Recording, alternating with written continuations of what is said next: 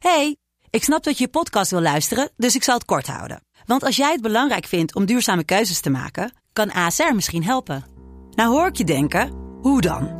Nou, bijvoorbeeld bij het duurzaam herstellen van schade. Of de premies die we beleggen volgens ons duurzaam beleggingsbeleid. Dat bepaalt waar we wel en juist niet in investeren.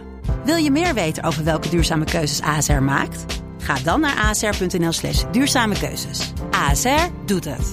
Zo, dan kan je nu lekker naar je podcast luisteren. Hey, ik snap dat je je podcast wil luisteren, dus ik zal het kort houden. Want als jij het belangrijk vindt om duurzame keuzes te maken, kan ASR misschien helpen. Nou hoor ik je denken, hoe dan? Nou, bijvoorbeeld bij het duurzaam herstellen van schade. Of de premies die we beleggen volgens ons duurzaam beleggingsbeleid. Dat bepaalt waar we wel en juist niet in investeren.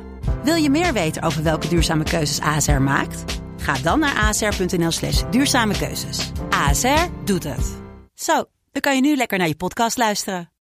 Okay, ladies and gentle people, we are here with Will the Harry the podcast and The Revolution. Maar voordat we verder gaan met Revolution, wil ik jullie er even op wijzen dat u kunt bewegen op het internet naar petje.af slash wildeharen. Al waar u ons kunt supporten, dat is Wilde Haren de podcast. Doe dat dus ook, want daarmee zijn wij geholpen en kunnen wij elke week weer met enthousiasme en frivoliteit werken aan Wilde Haren de podcast. Het is goed voor ons allemaal. En daarmee bedoel ik de wereld. En dan is er ook nog de mogelijkheid voor u om u voor te bewegen, ook op het internet, naar instagram.com slash de podcast. Of naar youtube.com slash de podcast. Of naar twitter.com slash de pc. Of naar de iTunes podcast app. En daar kunt u dan zoeken naar Wilde Haren de podcast. En op al die verschillende plot, plotfora, plot, platforms uh, kunt u uh, liken en um, abonneren en uh, raten en allemaal dat soort dingen. En dat ja, is ook belangrijk, want daar helpt u ons ook enorm mee. En dan, dames en heren, de revolutie. Jawel, Wilde Haren de podcast. Vandaag hebben wij te gast een Egyptoloog. Wow, Vincent, wat doet een Egyptoloog? Nou, een Egyptoloog weet van alles over Egypte. En deze specifieke Egyptoloog is enorm Egyptologisch. Hij uh, begon uh, te studeren in uh, de jaren tachtig aan uh, Egyptologie. En haalde zijn master bull, ja toch, in 1989. En uh, daarna heeft hij van alles gedaan uh, op het gebied van uh, Egyptologie. Hij geeft ook cursussen, cursussen rondleidingen en allerlei dat soort dingen. En hij weet echt alles over de ins en outs van het oude Egypte. maar we hebben het ook een klein beetje over het nieuwe Egypte. En hoe verhoudt nou eigenlijk die oude Egyptische beschaving zich tot onze huidige beschaving? Daar hebben we het over. Onder andere in Wilde Haren, de podcast, seizoen 5, seizoen 6, episode 5 met Egyptoloog Huub Pracht.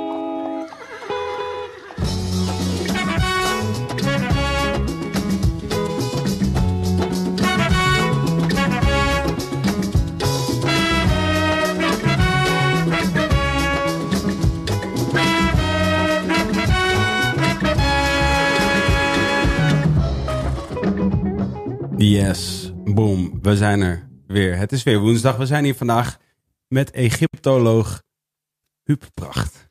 Welkom. Dankjewel. Ik hoor mezelf een beetje eh, in de hele ruimte. Want ik weet niet wat er precies aan de hand is, maar dat gevoel heb ik. Ja, oké, nu is het beter.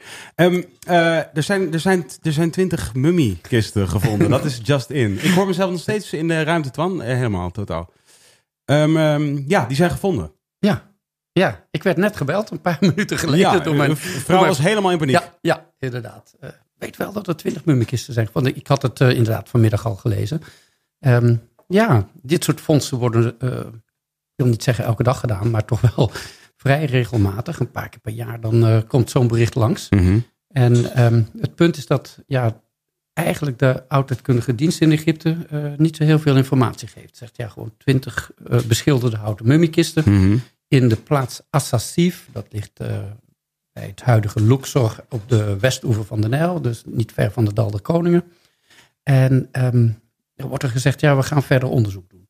Maar het leuke is wel dat er uh, toch al heel wat foto's uh, beschikbaar zijn gesteld. En daar kan ik uit opmaken dat dit kisten zijn die vervaardigd zijn in de periode direct na wat ik de Gouden Eeuw zou willen noemen. Het, het, het Nieuwe Rijk. Mhm. Dat is de grote bloeiperiode. Waar alle grote farao's als Amenhotep en Ramses en Toetmozes...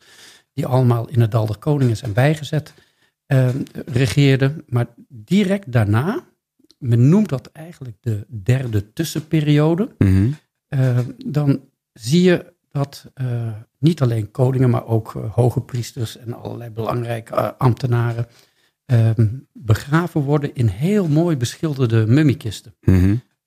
Eigenlijk alle voorstellingen die je normaal gesproken op grafwanden zou aantreffen, worden nu op die kisten zelf aangebracht. En dat is wat ik daar ook zie. Dus dit is heel duidelijk, zijn dit kisten uit die derde tussenperiode. En voor mij wel heel erg interessant, omdat ik juist op zoek ben naar iemand uit die tijdsperiode. Weliswaar een hoge priester die zichzelf farao gekroond heeft en Ja. ook lang geregeerd heeft, eh, maar wiens graf eh, zoek is. En Ah, het is een specifiek, een specifiek iemand eh, naar wie je zoekt. zeker, zijn naam is Mengeperra. Ik heb daar ooit ook een boek over geschreven, een roman over geschreven, De Verborgen Tombe. Ik heb niet het vermoeden dat hij nou hier tussen zal zitten. Maar, want dat zou me heel erg verbazen. Omdat het om een koning eh, ging. Die laat zich niet tussen al, al, al die anderen bijzetten. Maar het zouden wel familieleden van hem kunnen zijn. Dus ik ben echt wel heel benieuwd naar deze fonds. Ik zou, ik zou zo naar Egypte willen gaan om, eh, om het uit te gaan zoeken. is, is dat ook, is dat, ik kan me voorstellen dat dat zeg maar de impuls is. Maar is dat ook wat je gebruikelijk eh, wel eens doet? Dus Nou, bij zo'n ontdekking dat je denkt, oké, hup, volgende vlucht. Nee, nee, nee, nee. nee. nee weet je, het zijn natuurlijk de collega-Egyptologen die daar al jaren eh, aan het werk zijn, hè, op verschillende locaties. En als ze dan een eh, ontdekking doen, dan is dat natuurlijk hun verantwoordelijkheid. Dan is dat, eh, het zou natuurlijk absurd zijn wanneer ik dan ineens zou zeggen, ik eh, kom wel even ook even neuzen. Nee, dat, dat, zo gaat dat niet. Hè. Dat, wat ik wel heel, heel tof vind en echt geweldig vind, is dat ik al die mensen wel ken. En eh, ik schrijf ze aan eh, als ik weer een reis ga maken naar Egypte. Hè. Ik ga eh, eind november. Ehm, en dan zit ik daar ook in Luxor. Dus ik hoop ten zeerste dat ik daar iets van zou kunnen zien. Ehm, dit is een Egyptisch opgravingsteam die dit eigenlijk per toeval heeft ontdekt. Nou ken ik natuurlijk wel wat inspecteurs daar. Dus ik ga mijn best doen om daar over een paar weken eh, even iets van te kunnen zien. Hoe werkt dat met dat soort teams? Zijn die, zijn die overheid gestuurd? Ja, ja. Eh, eigenlijk ehm, is het zo dat ongeveer een 40 ehm, archeologische teams eh, actief zijn op dit moment. buitenlandse teams heb ik het dan eigenlijk over. Hè? Vaak verbonden aan universiteiten of musea. En echt van over de hele wereld. Hè? Van, van China, Australië, Mexico, Canada en natuurlijk ook Nederland. eh, heeft men eh, archeologische teams in Egypte. Maar er zijn net zoveel eh, Egyptische archeologische teams werkzaam. En die worden inderdaad door de oudheidkundige dienst aangestuurd. En is dat dan zo dat, da- daar komen we wellicht later nog wel op terug hoor, maar de, de, ja, je stelt je natuurlijk altijd, laat ik zeggen, voor een leek. Denk je altijd bij, bij, bij, bij archeologen en de mensen die, die aan het graven zijn en, en de piramides induiken met, eh, met, met brandende fakkels en Mhm. dergelijke. Denk je aan een soort Indiana Jones-achtig Mhm. scenario waarin, waarin het allemaal avontuur is. eh, En, en, en dat, dat zal vast een klein beetje wijken van de werkelijkheid, eh, naar, ik, naar, ik, naar ik vermoed. Ja, Maar ja. is het wel zo dat je ehm, als, als, ehm, ja, dus als partij die niet gelieerd is met de overheid van Egypte, eh, dat je dan denkt van, ah, was het maar een van ons? Of Ja. maakt dat niet uit in deze? Ja, ik zou, ik, ik zou willen dat het niet uitmaakt. Ik eh, zeg ook heel vaak, ja, laten we vooral heel veel eh, met elkaar samenwerken, informatie overdragen.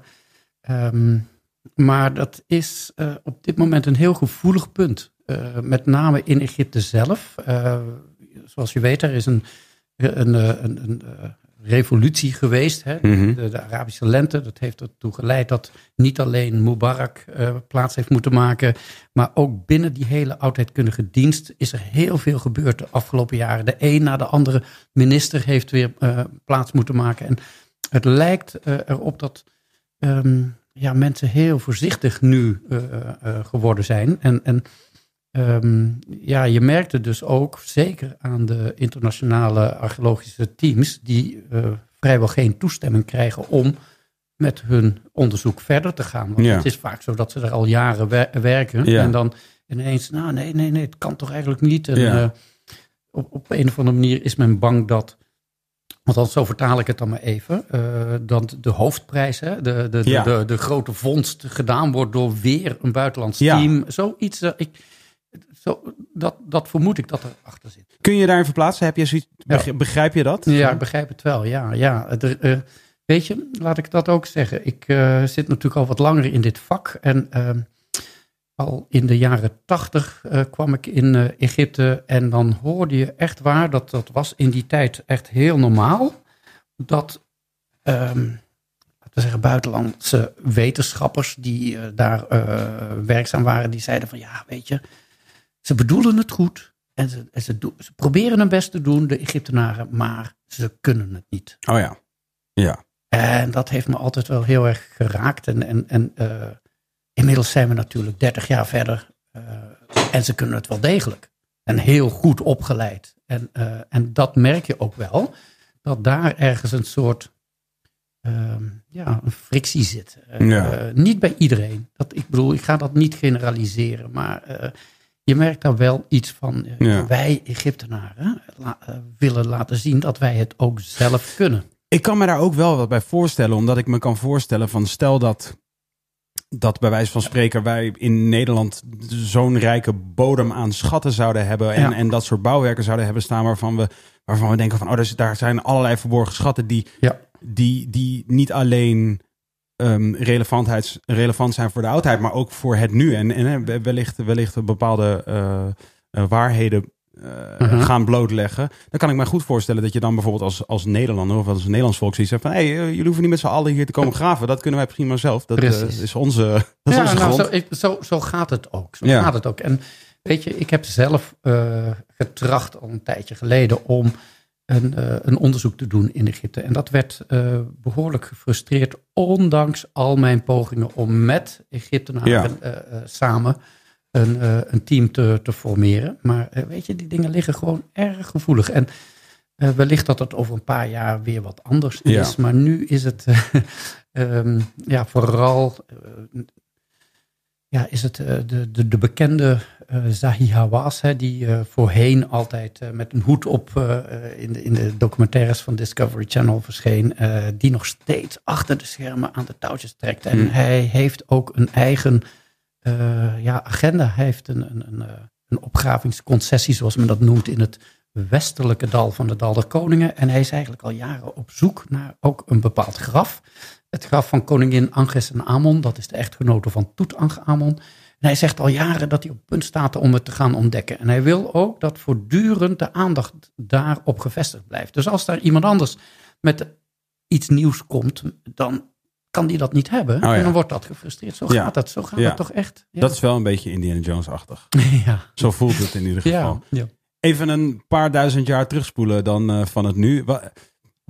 Als, je, als ik denk aan Egypte en ook vanaf het moment dat we eigenlijk wisten dat je hier ging komen en dat, dat, dat, eh, nou ja, dat wij dat zelf wisten, mo- moest ik even weer denken aan mijn eh, middelbare schooltijd, waarin, waarin mij ook het een en ander verteld werd over piramides. Toen was ik niet zo bijster geïnteresseerd op dat exacte moment. Zo gaat dat. Mhm. Eh, maar ik moest wel denken van als er, als er een tijd is, als er een oudheid is waar ik geïnteresseerd in ben geweest over de jaren, dan was het wel dat. Ja. Wat is de fascinatie met, met ons eh, eh, leken met. Egypte? Wat is, Ja. wat is dat? Ja, ik heb me dat zelf ook wel vaker afgevraagd. Want het is inderdaad zo dat eh, oude Egypte spreekt zoveel mensen tot de verbeelding. Ja. Meer dan, laten we zeggen, de oude Grieken en de oude Romeinen. Hoewel dat ook super Ja. interessant is. En daar ook een hele grote groep mensen in geïnteresseerd is. Maar toch, die mystiek van het oude Egypte. Misschien is het de beeldtaal, is het de... de, de, de ja, Het romantische beeld wat Ja, het romantische beeld ook wel. En het magische, het, het, de, de, de, de vele goden.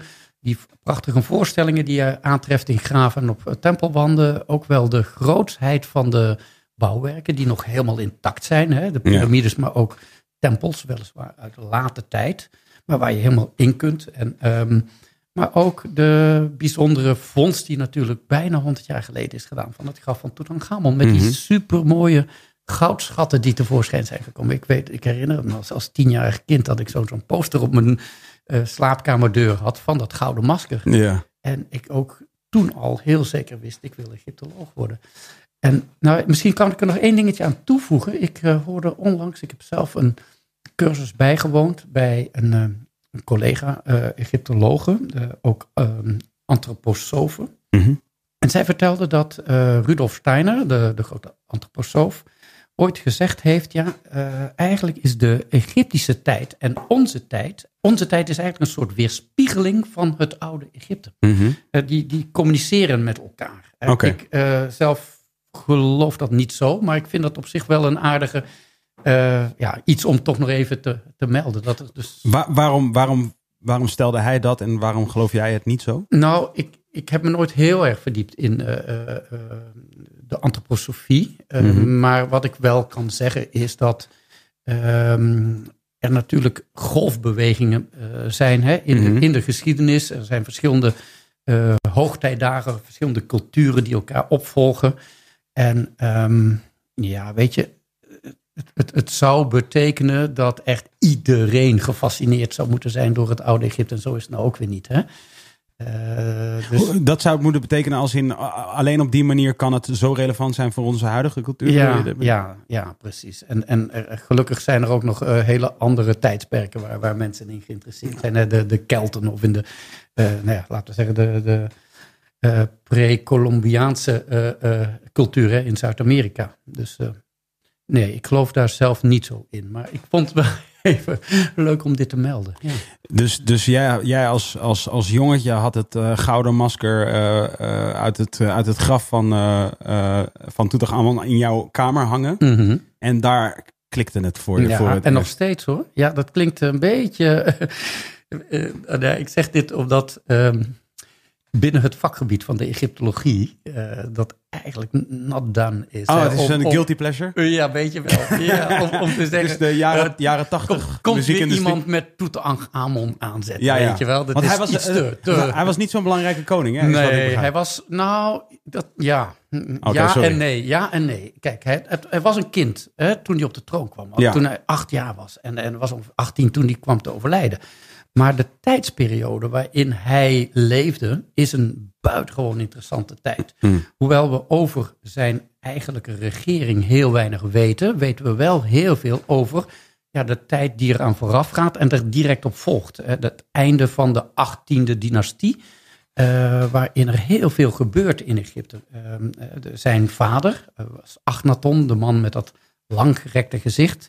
Hij was gehuwd met uh, een halfzus, een dochter van Achnaton en Nefertiti. En Nefertiti bekende beeld dat in uh, Berlijn wordt bewaard. En ja, dat is een tijdsperiode die um, ja, zo ontzettend... Uh, de, de, religie wordt op zijn kop gezet. Hè. Er wordt alleen nog maar de, de zonneschijf wordt aanbeden.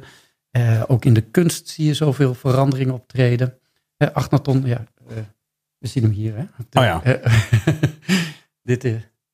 Ik, ik, laat het, uh, het boek zien. Waar, waar, zie, waar, zien, waar zien we dit? Zien we dit? ontraadseld. Dit is Achnaton. Ja, dat is hem. De vader dus van uh, Tutankhamon. Hoewel er ook mensen zijn die dat betwijfelen. Maar dat, voor mij is dat wel zeker. Dat uh, Achnaton de, de, ja, de genetische vader is van Tutankhamon. Ja. Hoe, hoe, hoe um, dit, is, dit, dit beslaat een enorme periode in tijd natuurlijk. Mhm. Mm -hmm. Waar we het eigenlijk nu, we nu over hebben. Maar voor iedereen die niet, niet veel meer weet dan de beelden die we kennen. En, Mhm. en, en, en, de, en de piramides. En Mhm, de- mhm. uh, wat voor voorstelling moeten wij ons maken van de, de, de Egyptische beschaving op dat Ja. in, Ja, je, hebt, eh, je zegt terecht, hè, het is een enorme tijdsperiode. Als Ja. wij vanaf het begin van onze jaartelling tot nu rekenen, hè, we zitten in eh, 2019. Ja, precies. Hoe verhoudt zich dat als je dat, als je dat gaat spiegelen de andere kant op, hè, 2019 voor Christus, Mhm. hm, dan zit je in het zogenaamde Middenrijk. Dat is de tweede grote bloeiperiode. Mhm. Met andere woorden, die faraonische beschaving heeft 3.500 jaar bestaan. Ah, Hè, dus nog 500 jaar na Christus. Ja. Althans, toen waren het wel Romeinen, eh, maar keizers. Maar die zich ook helemaal als, eh, als Egyptische farao's lieten uitbeelden op, eh, op tempelwanden. En dus ook het hieroglyphenschrift werd nog gebruikt. En ook de goden werden nog steeds vereerd. Maar goed, de periode die daar dus aan vooraf gaat, hè, die eh 3000 jaar Ja. voor Christus. ehm, ja, dat, ook daarin ehm, zijn natuurlijk wel wat eh, eh, veranderingen hebben plaatsgevonden. Ja. Maar een heel belangrijk kenmerk van de Egyptische beschaving is toch wel dat men ehm, heel behoudsgezind was. In onze cultuur is dat een beetje, eh, ehm, ja, een beetje suf, een beetje not done. Hè? Je wil progressie maken, je wil ontwikkelen, je wil eh, veranderen. Nou, dat is juist bij de Egyptenaren niet zo. Ze waren duurzaam voordat wij nu duurzaam Je zou het kunnen zeggen. hè. Dat, maar dat werd zelfs tot een heel re- hoog religieus begrip verheven. En men wilde het echt zo houden zoals het oertijdelijk bedoeld was. Zoals het door de goden bedoeld was. Hmm. bij, de, bij de schepping bedoeld was. En dat werd, ver- of, dat werd zelfs eh, zo geconcretiseerd dat het een godin werd. Dat begrip Ma'at werd het genoemd. Ma'at betekent zoiets als orde, regelmaat, gerechtigheid, eh, de waarheid, eh, de harmonie. Dat zijn allemaal eh, begrippen die opgesloten zitten in die ene godin.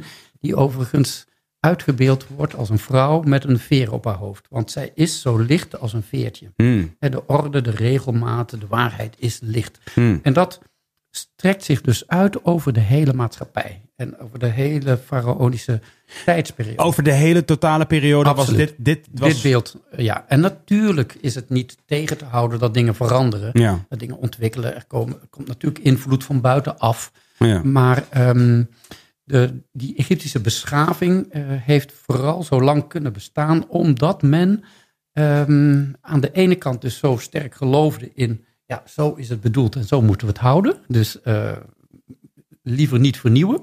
Mhm.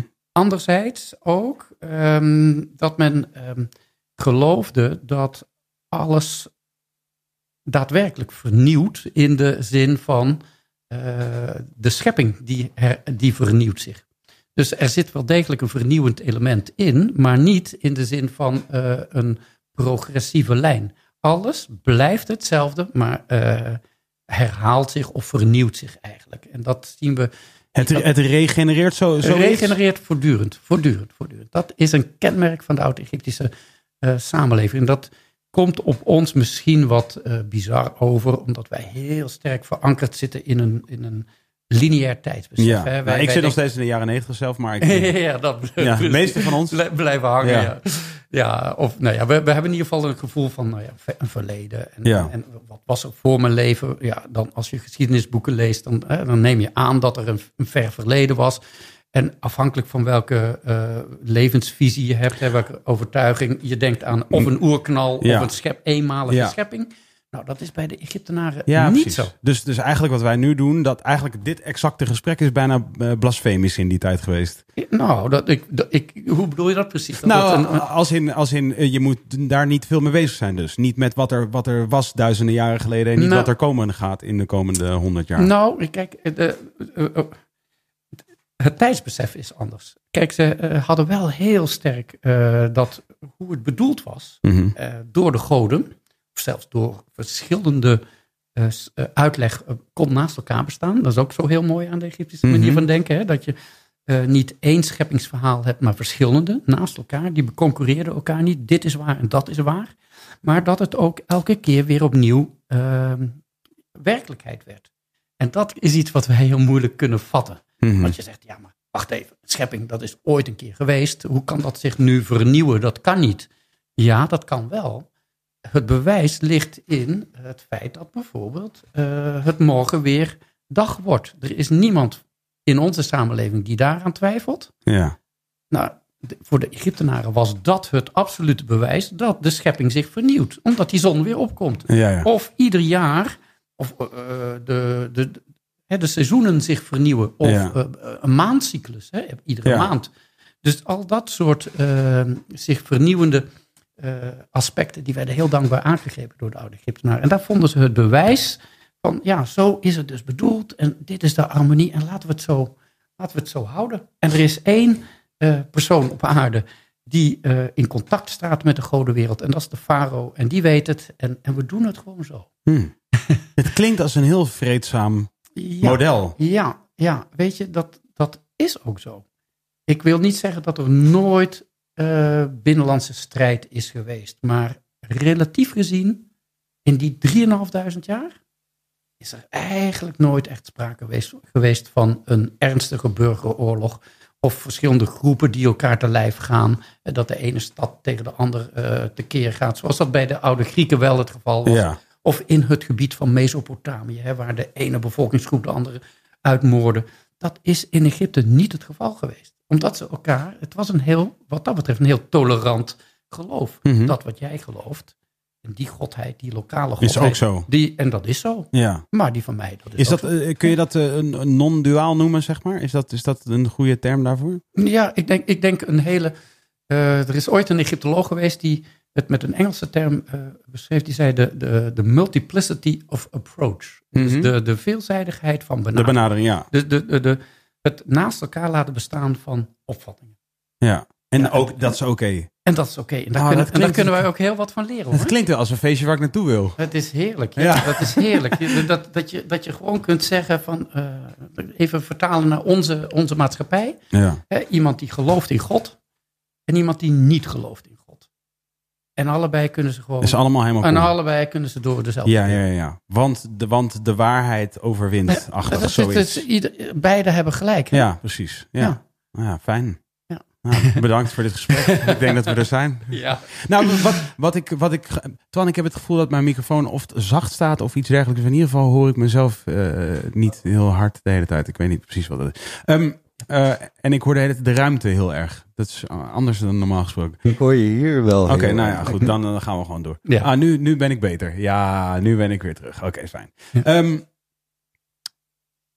je zegt, eh, ze waren... En ik ga dit waarschijnlijk nog een paar keer helemaal butcheren. Omdat, eh, en dan ga ik enorm het niet, niet goed herhalen zoals jij het gezegd hebt. Maar eh, ehm, ze waren niet per se bezig met die progressie. Mhm. Nu is het volgens mij zo, want dat is voor mij al nieuws. Namelijk in mijn beleving was het... Nee, de Egyptenaren, die hebben alle progressie geboekt... waar we nu nog steeds Mhm. eh, op, eh, op zeilen.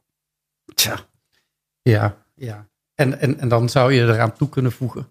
Zij hadden ook nog zoveel meer kennis dan dat wij eigenlijk nu weten. Ja, precies. Ook nog. Nou ja, dus dat, staat wel weer een beetje haaks op jouw... Ik eh, zat erop te wachten. Ja, Oké. nee, kijk. ehm 3.500 jaar hè, van faraonische beschaving. Maar laten we ook niet vergeten dat daar aan vooraf gaat ook nog ongeveer 4000 jaar. 4000 jaar van ehm, ontwikkeling van een cultuur. mm, Eh, waar nog geen geschreven bronnen zijn, maar waarvan we weten dat men zich gaat organiseren in het Nijldal. Eh, door klimaatsverandering, zo eh, 7000 voor Christus, ehm, gaat men zich noodgedwongen in het Nijldal vestigen. Wordt men sedentair, zoals men dat noemt, en men gaat een cultuur ontwikkelen. En dat, eh, Wat betekent dat, sedentair? Sedent betekent echt op één vaste plaats, hè, tegen, tegenover eh, een nomadisch bestaan. Mhm. Eh, voor die tijd trok men met kuddes door de, toen nog een soort savannegebied, wat nu woestijn is, hè, wat Mhm. Sahara is geworden. Eh, maar men gaat in het vruchtbare Nijldal wonen. En je ziet dan dat er ehm, eh, ja, een, echt een cultuur ontstaat met dezelfde soort aardewerk en met eh, dezelfde soort gereedschappen en En uiteindelijk Vier- ook schrift en dergelijke. uiteindelijk schrift. Hè? 4000 jaar is een hele lange periode. Ja, Een enorm lange periode waarin men wel degelijk eh, ja, allerlei proefondervindelijke dingen ontdekt die wel heel erg nuttig zijn. Wat dacht je van het ploegen van een land of eh, het inzaaien van, van graan Mhm. en eh, noem maar op. Een hele Ja. andere dingen die heel ze, relevant in dit die land. natuurlijk. nee, maar oh ja, zeker. Vandaag helemaal.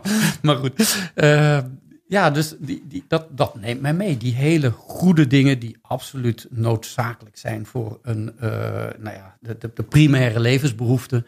Maar ook de primaire, ik zou wil, willen zeggen, levensbehoeften voor het andere leven. Namelijk een, eh, het dodenrijk. Dat Mhm. men heel sterk gevoeld heeft. Een andere werkelijkheid. Mhm. Eh, we, we, we kennen Egypte als een land, het oude Egypte als een land waar men eh, mummificeerde. Hè?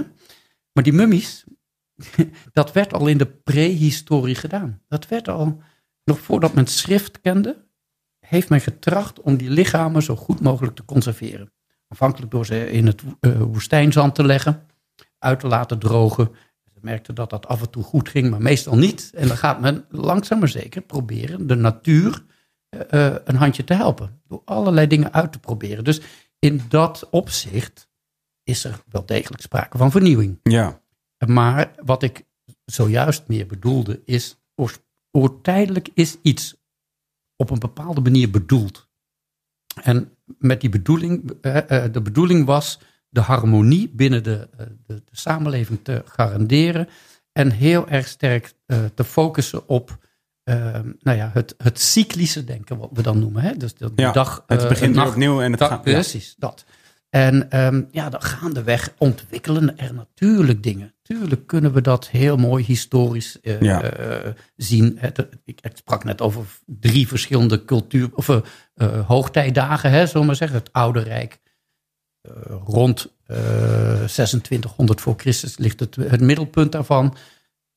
2000 voor Christus, dus 600 jaar later, heb je het Middenrijk. Ja. En, Dus nog een, en nog een keer hobbits wonen? Nee, en dan nog een keer 500 jaar later begint dat nieuwe rijk. Hè? Die, die, die, die gouden eeuw waar ik het net over had. ja. En natuurlijk zijn daar verschillen, stilistische verschillen te zien. Maar het is, om maar even aan te geven, zodra het hieroglyphenschrift eh ontwikkelt. 3000 jaar voor Christus, eh, blijft dat min of meer onveranderd tot, ja, tot het verdwijnen van de Egyptische cultuur. Dat schriftsysteem blijft hetzelfde. Tuurlijk komen er af en toe wat nieuwe woorden. Natuurlijk gaat een, een eh, grammaticale structuur van een taal wat veranderen.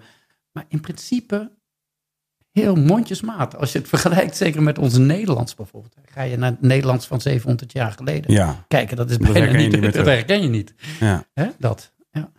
Wa- Wat is het, wat is het eh, denk jij, dat wij ehm, hopen te ontdekken? Of wat, wat zou het, ja, misschien is dat een goede vraag. Wat, wat denk jij dat wij hopen te ontdekken uit die tijd waar, waar, waar wij misschien, wat is, wat is, laat ik zeggen, de heilige graal? Mhm. Er is natuurlijk de ontdekking van, een, eh, inderdaad, waar, waar, jij naar op zoek bent, of waar, de, Mhm. waar de, de heer van de, van de oudheidskundige dienst van Egypte zelf naar op zoek is. ja. Eh, ehm, maar ik bedoel ook meer in een, ehm, een ontdekking eh, ten aanzien van hoe de beschaving toen werkte, waar we misschien iets aan hebben voor het nu. Want hè, er, zijn, er zijn natuurlijk allerlei theorieën. Als je nu naar Mhm. een gemiddelde koffieshop binnenstapt en je vraagt van... hey, boys, piramides, vertel eens. Dan ga je ook wat theorieën horen, waar jij het waarschijnlijk niet mee eens bent. Maar iedereen heeft theorieën over dit, dit, Ja. gaan we vinden. Buitenaardse wezens zijn Ja. erbij betrokken geweest. Mm, de alles, sterren, ja. de, alle, noem het maar op. Ja. ja, het zijn de, hè, de raadselen. Daar waar ik ook dat boek over geschreven heb. Ja, Ehm, nou, op zich, weet je, ik zou deze vraag eigenlijk in twee willen splitsen. Namelijk, wat eh, zou eh, ehm, nuttig kunnen zijn hè, voor ehm, deze moderne samenleving? En eh, als er een, een, een, een ontdekking gedaan zou kunnen worden waar wij iets aan zouden kunnen hebben, daar wil ik zo een antwoord op geven. Maar wat ja, heel veel, en waar ik destijds toen ik Egyptologie ging studeren, of, of zelfs nog daarvoor toen ik geïnteresseerd raakte in het oude Egypte, mij vooral eh, fascineerde, was natuurlijk die archeologie en die, eh, die mystiek van eh, verborgen graven. Hmm. En dat blijft nog steeds hoor. Dat, dat, ik, ik merk ook dat daar de meeste interesse altijd naar uitgaat. Van, goh, wat is er gevonden? Wat, waar ligt wat? En, en hoeveel ligt er nog onder het zand? En, en welke goudschatten? Ehm, maar als ik, ehm, en dan kom ik dus op, op, op het, wat, wat kan deze maatschappij eraan hebben? Als ik eh, vooral kijk naar de teksten die de oude Egyptenaren ons hebben overgeleverd, en daar hou ik me heel veel mee bezig, dan leer ik iets wat, eh, wat je niet direct zou verwachten. Ehm, namelijk, je, je leert niet zozeer een. eh, eh, het zijn geen teksten die eh, bezwerend zijn tegen eh, graf, eventuele grafrovers. Dat, dat, dat wordt heel vaak beweerd, hè? alsof je eh, de, de eh, staat te wachten als jij het graf schendt. Eh, wat er veel meer eh, naar voren komt, is de wens van de overledene zelf om dat eeuwige leven te hebben. Mhm. En ehm, nou ben ik zelf niet zo heel erg religieus, maar ik vind het wel inspirerend om te zien hoe de oude Egyptenaren niet alleen in hun dode geloof, maar ook gewoon in het dagelijks leven, die, die religieuze teksten gebruiken als inspiratiebron. Als inspiratiebron voor hoe te leven. En wat wil ik daar nou mee zeggen? Ehm, ik had het net over hè, die vernieuwing. laten we het even zo vergelijken met. ehm, je hoeft helemaal niet religieus te zijn hoor, en helemaal niet spiritueel te zijn, maar ehm, enigszins filosofisch. Eh, je gaat de nacht in, Mhm. slapen. Nou ja, dat is waar het eh, in het Egyptisch dodengeloof over gaat. Je gaat de nacht in. Eh, vaak een heel moeilijk proces die nacht. Vaak is het een vaartocht eh, waar je allerlei gevaren op je, op je weg eh, vindt. Maar uiteindelijk eindigt die tocht met ehm, een andere vaartocht. Je scheept werkelijk over in een andere boot die in de dag terecht is gekomen. Dus als jij de volgende ochtend wakker wordt, dan maak jij dus volgens Egyptische opvattingen eh, de dagfase mee. En je kunt kiezen. Je kunt daar kiezen wat je gaat doen. Welke kant je op gaat eh, in die dagfase. In de, in de nacht is het wat lastiger. Ben je vrij gedwongen om met hulp van eh, vooral de sterrenwereld om een bepaalde route af te leggen.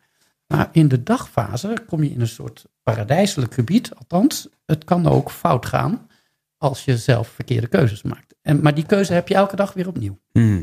En, ehm, Dit, dit klinkt als een hemel-hel-achtig ja, concept. ja, nou ja, eh, een paradijselijk gebied waar je terecht kunt komen. Maar je kunt ook inderdaad. eh, kijk, en wat de oude Egyptenaren doen uit voorzorg. Altijd zullen zij teksten aanbrengen in graven. Of soms op papyrus aanbrengen. Hè, het dodenboek. Die ervoor zorgen dat je niet eh, in dat helgedeelte terecht zult komen. Daar wordt wel over gesproken. Maar er wordt vooral in spreuken eh, gezorgd dat je daarvoor eh, behoed wordt. Het staat er ook letterlijk zo. Hè? Het, het- het niet in een visnet eh, belanden. Het niet in scherpe messen terechtkomen. Het niet in de duisternis verblijven, et cetera. En waar je wel naartoe wil, is het gelukzalige, paradijselijke eilandenrijk... waar het graan hoog staat, waar het veevet is, en Hmm. et cetera. En waar ook harmonie, hè, die, die, die, die maat eh, heerst. Ja. En, en dat, ja, dat is iets, iets eh, wat mij eh, enorm intrigeert. De, de, de maat niet alleen in de samenleving, maar ook in jezelf. Hè? De, de, de, balans Ja. houden in jezelf. Mhm. Want het wordt ook uitgebeeld hè, in het dodenboek. Ik vertelde net, die godin is zo licht als een veertje. Maar dat veertje wordt dan gewogen tegen het hart van de persoon. We zeggen dan altijd de overledene, maar die persoon die leeft in principe verder in het dodenrijk. Maar als een hart te zwaar zou zijn, met, gevuld met allerlei Zorg en ja. Ja, vooral, vooral ook slechte gedachten. Hè? Oh ja. en, en, en slechte herinnering. Want het hart is niet alleen emotie, maar ook ratio en, en herinnering. En ja, dan zou dat doorslaan. En dan wordt je, je hele mummie voor, de, voor een vreselijk monster geworpen. En dan sterf je de tweede dood. Dat, dat, staat, dat staat er letterlijk. Hè? De Hmm. term tweede dood. Dan is het ook echt afgelopen met je. Ah, Maar je hebt altijd de dan, kans- heb je het, dan heb je de eeuwigheid niet gehaald. dan heb je de eeuwigheid niet gehaald. En dan, eh, ja, dan is, eh, als je lichaam namelijk weg is, dan zal je ziel ja, ergens gaan dolen en, Ja, heeft, geen, en heeft geen huis meer. Is dit waar de, is dit waar de, de films vandaan komen? Van die legende, zeg maar? Eh, welke films? Nou ja, de- de mummies. mummy. De mummy, ja, nou ja. hm. ik ken die films, ik heb er een paar van gezien. Ja, niet maar per dat se gaat- de, de mummy als in ja. de film, maar ik bedoel het concept levende mummy die ronddolt en... Ja, nee, nee, nee, nee. nee. Want is dat dan- gewoon omdat we Nee, juist niet. Nee, want, want dan zie je dus nog een lichaam. Hè? Hmm. Maar nee, het gaat er echt om. Wat een gruwel is voor de oude Egyptenaren, is wanneer een lichaam verbrand zou worden. Hè, crematie zou echt verschrikkelijk zijn. Eh, of voor eh, de krokodillen geworpen worden. Of eh, in stukken gehakt. Hè. Dat is waar ook een mythe over gaat. Als, dat gebeurde namelijk met de belangrijkste god van de dodenrijk. Oh ja, dit is, heb ik, ja, O- precies. O- Osiris, Ja. Mhm. maar die werd uiteindelijk weer heel gemaakt. Hè? Dus het, het kan best zo zijn dat er dingen fout gaan in je leven. En in dat andere leven. Hè? Je kunt echt eh, eh, to fall apart in, in pieces, zeg maar. Maar je kunt ook weer bij elkaar gevoegd worden en weer compleet zijn. eh, onbeschadigd. Dat is waar eh, de Egyptische magie voortdurend naar streeft. Hè, de- de- men, men is zich echt bewust van dingen kunnen misgaan. En dat benoemt men ook. Maar er is altijd magie en, en de hulp van de goden die zorgen dat jij weer eh, ja, heelt. Ja. Ja. Ook dit klinkt als een heel positief... Ja, dat is het ook. Weet je, het, het, het grappige is zelfs dat de maan daarmee geassocieerd wordt. Hè? De maan, die, de wassende maan, die uiteindelijk weer vol wordt. Ja, bewijs dat het weer heel kan worden. Mm. Ja. Wat heb je hierbij gepakt, Twan? Waar kijken we Ah, naar? kijk, ja, daar zie je. Het boek van Ani in het British Museum. Ja, toch? Dit En, is eh, wat u, eh, wat u, eh, Ja, wat je... Waar je dat wegen van het, van het, eh, het wegen van het hart zo mooi ziet. Hè? Met dat monster bestaande uit een krokodil, een leeuw en een nijlpaard. En daar zien we, oh ja, daar zien we het hart en, en de veer. Ja, dat is hem. Heel goed. En eh, hier is de veer wat zwaarder dan het hart. Dat is positief. Nou ja, Oh, dat is ook niet positief. ja, nou weet je, je moet naar de dwarsligger kijken hè, van de, van de weefcel. Die Oh, blijft mooi, die mooi horizontaal. Oh ja, oké, cool. En het, het aardige is dat je in het midden geknield een, een jakhalskoppige godheid ziet. Dat is Anubis. Hij is trouwens ook de, de begeleider van de, Mhm. van de doden en de balsemer. Maar hij houdt dat eh schietlood, waarmee je kunt zien of eh, die weegschaal wel mooi in evenwicht is. Mhm. Die, die, die houdt hij met zijn hand vast. Hij manipuleert het een beetje. En Je Ah. ziet soms op andere dodenboeken dat men er soms eh, een duim onder zet of een touw vasthoudt. Dus de goden Ah. helpen ook wel een beetje mee. Dus het, zijn- het, zijn, het zijn wel echt, het zijn hele vriendelijke goden. Ja, oh, zeker, absoluut. Er zijn, nou, er zijn natuurlijk ook wel hele niet-vriendelijke goden. En met name één hele grote vijand in de vorm van een slang. Ja, Die heet, zien. die heet Apophis. Eh, of Apophis wordt hij ook wel genoemd. En ja, daar kun je maar beter verre van blijven. Maar toch, die komt heel dicht bij je in de nachtelijke reis. Hmm. Super dicht bij je. Ehm, maar door magie kun je hem eh, eh, ja, Van je af, afhouden. af- van je afhouden. En, maar aan het eind van de nachtelijke reis zal die ook doorgesneden worden. Ah, hier zien we de, oh ja, in verschillende de- de, precies. in Disney Oh ja. varianten. Prachtig, ja. Daar zie je de kater Miu die die slang Apophis doorsnijdt. Heel goed eh, snel gevonden, ja. Dat is hem. En eh, ja, in, in Met konijnenoren. Ja, ja, dat klopt. Hazenoren. Ja, het is een beetje apart, hè? Ja. Nou ja, daar is een heel eh, verhaal over te veel. Maar de, de korte versie is dat een woestijnhaas als hieroglyf het woord is voor bestaan, existeren. Mhm. En die kater die we daar zien, die maakt een eh, geluid, namelijk miu. En het woordje miu betekent de gelijke. Mhm. En in het dodenboek staat het ook zo mooi dat dit de bestaande en de gelijke is van de zonnegod Ra. De zonnegod Ra, die dus in een manifestatie van zo'n kater met hazenoren de slang Apophis doorsnijdt. En dat doet hij na afloop van, dat, van die nachtelijke hemelreis. En het is, nou, nou ga ik nog weer even een stapje verder. Namelijk waar geen consensus over bestaat binnen de Egyptologie, maar wat al jaren mijn eh, absolute opvatting is, gebaseerd op teksten en voorstellingen. Die slang, Apophis, is tevens de navelstreng van de zich regenererende doden. Hè, De dode maakt als het ware gedurende de nachtelijke reis een versneld zwangerschaps... Ja. Of althans, een, hij wordt Een hergeboorte. een her- wedergeboorte. Precies. Wedergeboorte, ja. Precies. En dan eh, aan het eind van die nachtelijke reis, ja, dan die slang is de navelstreng. Ah, die Moet er- daar, daar, moet, daar moet mee afgerekend. Hmm. Ja. Dus het is ook een hoop symboliek. Oh, zeker. Weet je, het is Dat is het natuurlijk letterlijk. heel veel, heel veel gelaagdheid. Ja. Ik sprak over een, een vaartocht die gemaakt wordt, dat is het. Maar ik sprak over de sterren. Die, die vaartocht wordt namelijk bovenlangs gemaakt, niet onder de aarde door. De term onderwereld vind ik een absoluut foute term. Oké. Ja, Die is, wordt, wordt die wel, wordt die wel ge, oh, in, de in de Egyptologie is die helemaal ingeburgerd. Helaas. Maar dat is eh, gekomen door ja, de eerste Egyptologen. Die waren natuurlijk klassiek geschoold. Ja. En de term onderwereld kennen we natuurlijk uit de Griekse mythologie. Ja. Maar alles wijst erop dat die nachtelijke hemelreis daadwerkelijk bovenlangs gaat. Langs alle zichtbare sterren. Alleen de zon is totaal opgesloten in een positieve slang. Mhm. eh, waar die echt in zit. Dus die, die, eh, die, die slang omhult hem helemaal. Dat is de Mehen-slang. En die zie ik als eh, wat we dan amnion noemen. Amnion is eh, wat in normale Nederlands ook wel het, eh, het vruchtvlies wordt genoemd. Hmm. Dus, dus, dus waar een foetus in zit. Ja, de Dus baarmoeder. met, in, binnenin de baarmoeder heb je hè, waar het, Ja, ja. het vruchtwater in zit. Oké, ja. De vliezen breken Ja. en dan, ja, dat is dus die mehenslang, terwijl de navelstreng is die apophis. En dus je, je ziet dat er een, ook een wedergeboorte symboliek heel sterk in zit. Het is niet alleen een, een nautische reis in een boot. En het is niet alleen iets astronomisch. Hè, die sterren en ook de planeten en de maan, ze spelen allemaal een rol. Maar het is ook een, eh, ja, een, een, een, laten we zeggen, een zwangerschapsverhaal. Ja.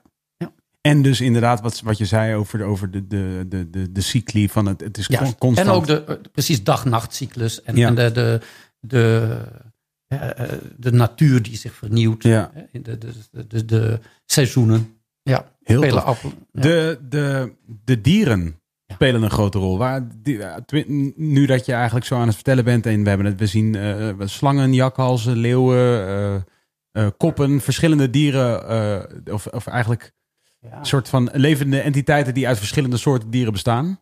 Mhm, Wat, zeker. welke rol, wat, wat was dat? Wat was Ah. hun fascinatie met dieren? Eigenlijk is het heel simpel te verklaren. Hè? De oude Egyptenaren hebben alles wat ze om zich heen zagen bewegen of leven, dat hebben ze als goddelijke verschijningsvormen gezien. Of het nou gaat om planten die uit de aarde komen, bomen die groeien, vissen in, de in het water die spartelen, vogels die opvliegen of eh, roofdieren of andere dieren. Al hun gedragingen, die herkennen de mensen als eh, misschien wel een soort van karaktereigenschappen.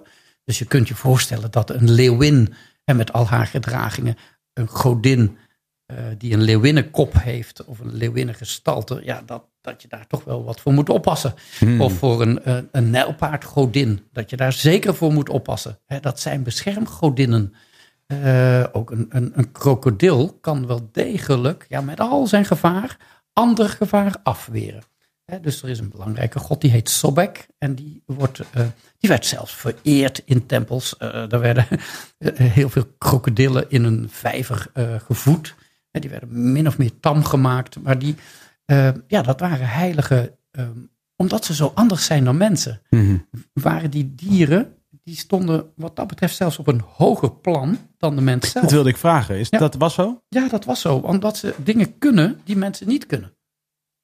Dus er zijn maar heel weinig dieren die niet vergoddelijkt werden. Er zijn eh, vrijwel geen. Eh, eh, de, de dieren die, ehm, ja, ja, schorpioenen Ja, en, en, en, en slangen, daar had ik het net al over. Ja, die, die, die worden dan vaak in negatieve zin Ge- gebruikt als gebruikt, precies. Ehm, hoewel er ook een, een, een schorpioengodin is, die dan weer juist eh, ehm, een ook weer een beschermgodin is. Maar ja, alle dieren ze hebben natuurlijk, eh, of het nou gaat om de baviaan of om een, een, een ibis of eh, allerlei andere eh, dieren die in het oude Egypte voorkwamen. Wat dacht je van ook de, wat aardig is, de blauwe reiger? Mhm. De blauwe reiger, die wij hier in eh, Nederland kennen, hè, eh, die nestelt hier, maar trekt dan eigenlijk al eh, in juni zo'n beetje weg en gaat de, steekt de Middellandse Zee over en landt dan in Egypte. De Egyptenaren hebben die vogel nooit zien nestelen, nooit eieren zien leggen. Dus dat moet een dier zijn dat Ah. rechtstreeks uit de hemel komt. hè. Ja, ja. En daardoor is hij zelfs nog meer bijzonder en wordt hij zelfs gezien als de ziel. De ziel van de zonnegod Ra. Dus hij is niet zozeer een god, maar hij is de ziel, manifestatie van die zonnegod, de belangrijkste god van Egypte, eh, Ra. Wauw. Ja. En, en, dat, en dat, is, dat, dat hele beeld is voor ons eigenlijk een beetje verpest, want wij, hebben- wij zien hem hier gewoon in de weilanden staan. en dan, Ja, tot, tot we hem zien vertrekken. Althans, sommige blauwe reigers blijven ook gewoon in Nederland. Mhm. maar, maar ja, ook, ja, je kunt je voorstellen dat ehm, zoveel dieren, hè, eh, de, de koeien, de, de heilige koe, maar ook de stier, hè, met zijn kracht en zijn vruchtbaarheid eh, Mhm. als, als belangrijke eh godenmanifestatie. En het is ook niet zo dat één dier gekoppeld wordt aan één godheid ja. dat maakt het wel vaak heel moeilijk.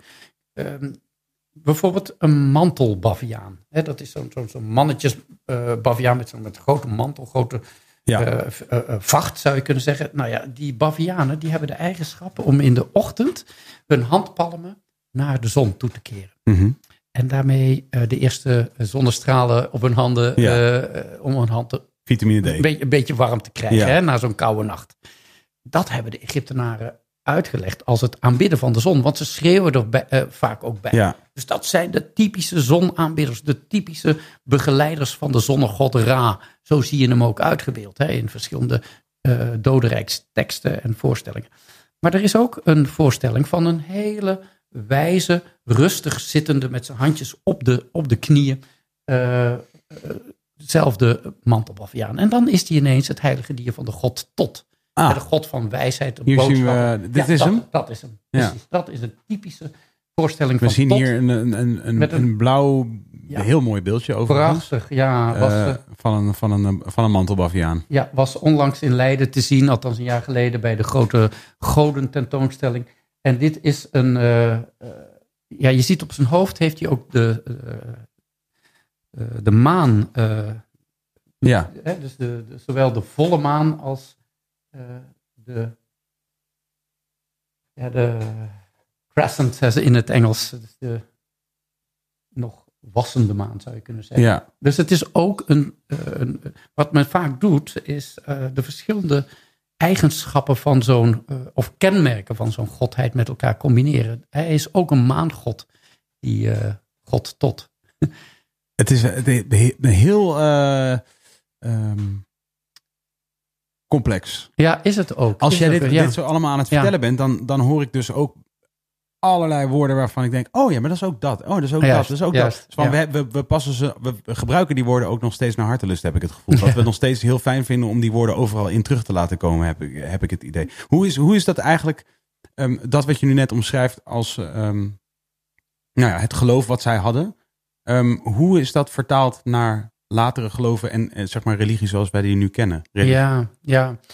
ja, dat is een, een, een moeilijk ding. Want ehm, kijk, wat ik net al even zei, de hele manier van denken bij de oude Egyptenaren is heel erg, nou ja, alleen al dat tijdsbeeld, hè? Eh, cyclisch eh, gericht, maar ook het, dat hele pluriforme. Dus die vele goden die elkaar ook ergens kunnen zijn. Hè? Ze, ze, ze nemen elkaars gestalte aan. Mhm. Hè, De god Osiris bijvoorbeeld, die heeft een heleboel submanifestaties, noem ik dat dan Mhm. maar. Hè? Een heleboel goden die ook mummievormig zijn, maar dan een andere naam hebben. En eh, je, je zei het zelf al, het is heel complex. Wat bedoel je met mummievormig trouwens? Mummievo- mummievormig bedoel ik dus de, de ingezwachteld in mummielinnen. Oké, ja. hè? Een, een, een godheid, een, soort staande mummie. Oh, Maar zo is Osiris in allerlei verschillende... eh, Precies, ja. er zijn heel veel goden die die vorm hebben.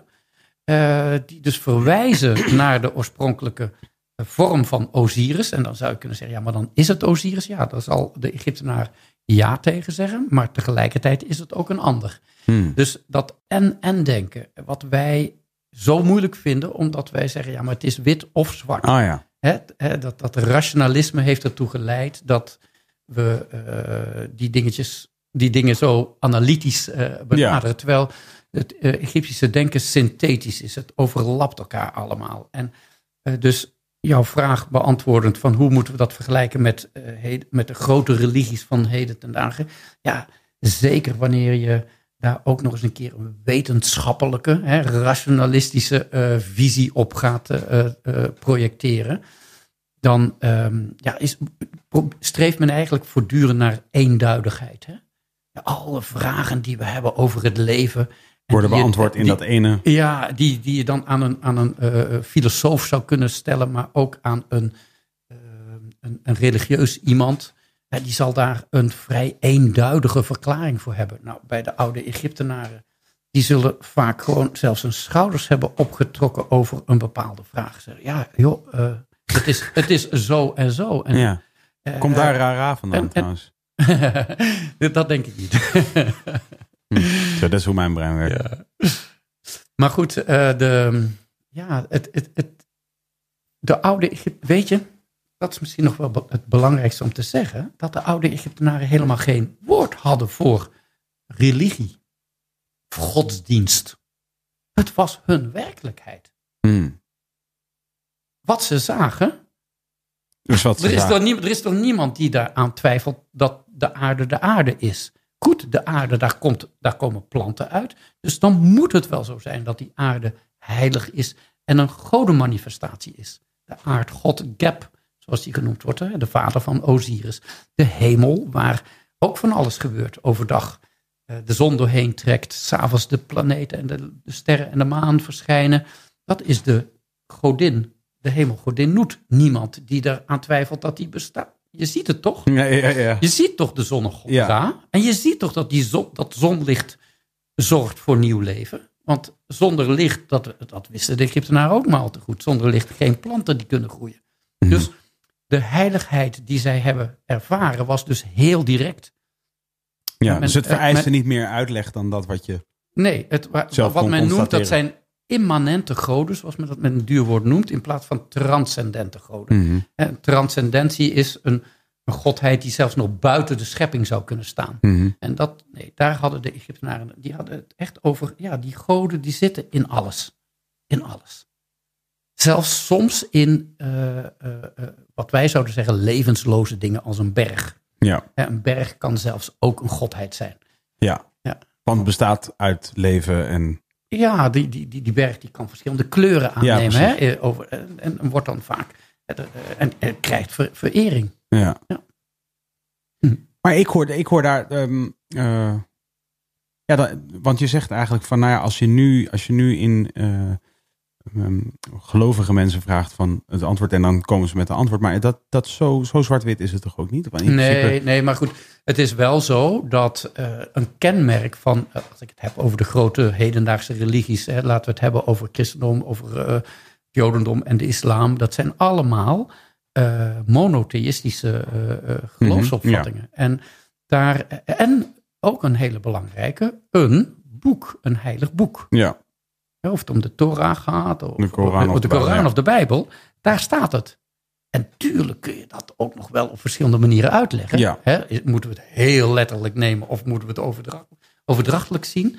Eh, maar toch, eh, dat is wel de leidraad. Hè? Dat, dat geschreven, eh, terwijl de oude Egyptenaren natuurlijk ook teksten kenden. Ik noemde dat net al, spreuken. Maar ehm, het is niet een, een, ja, wat men dan noemt een liturgie, eh, een, een boek, een geloofsleer Ja. die gevolgd moet worden. Nee. Het zijn eerder mythen en, en, en magische spreuken waaruit je dan de opvattingen kunt distilleren van hoe men blijkbaar dacht.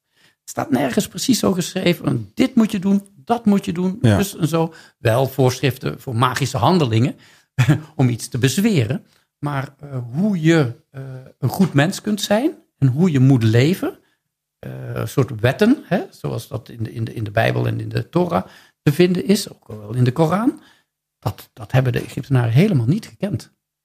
Dat is een groot verschil. ja. En ik denk dat, ja, dat klinkt misschien een beetje gek, maar ik denk dat het daardoor zo lang zo ontzettend goed is gegaan in Egypte. Omdat niemand elkaar bestreed. Ja, jij hebt gelijk, hè? ik heb gelijk. Ja.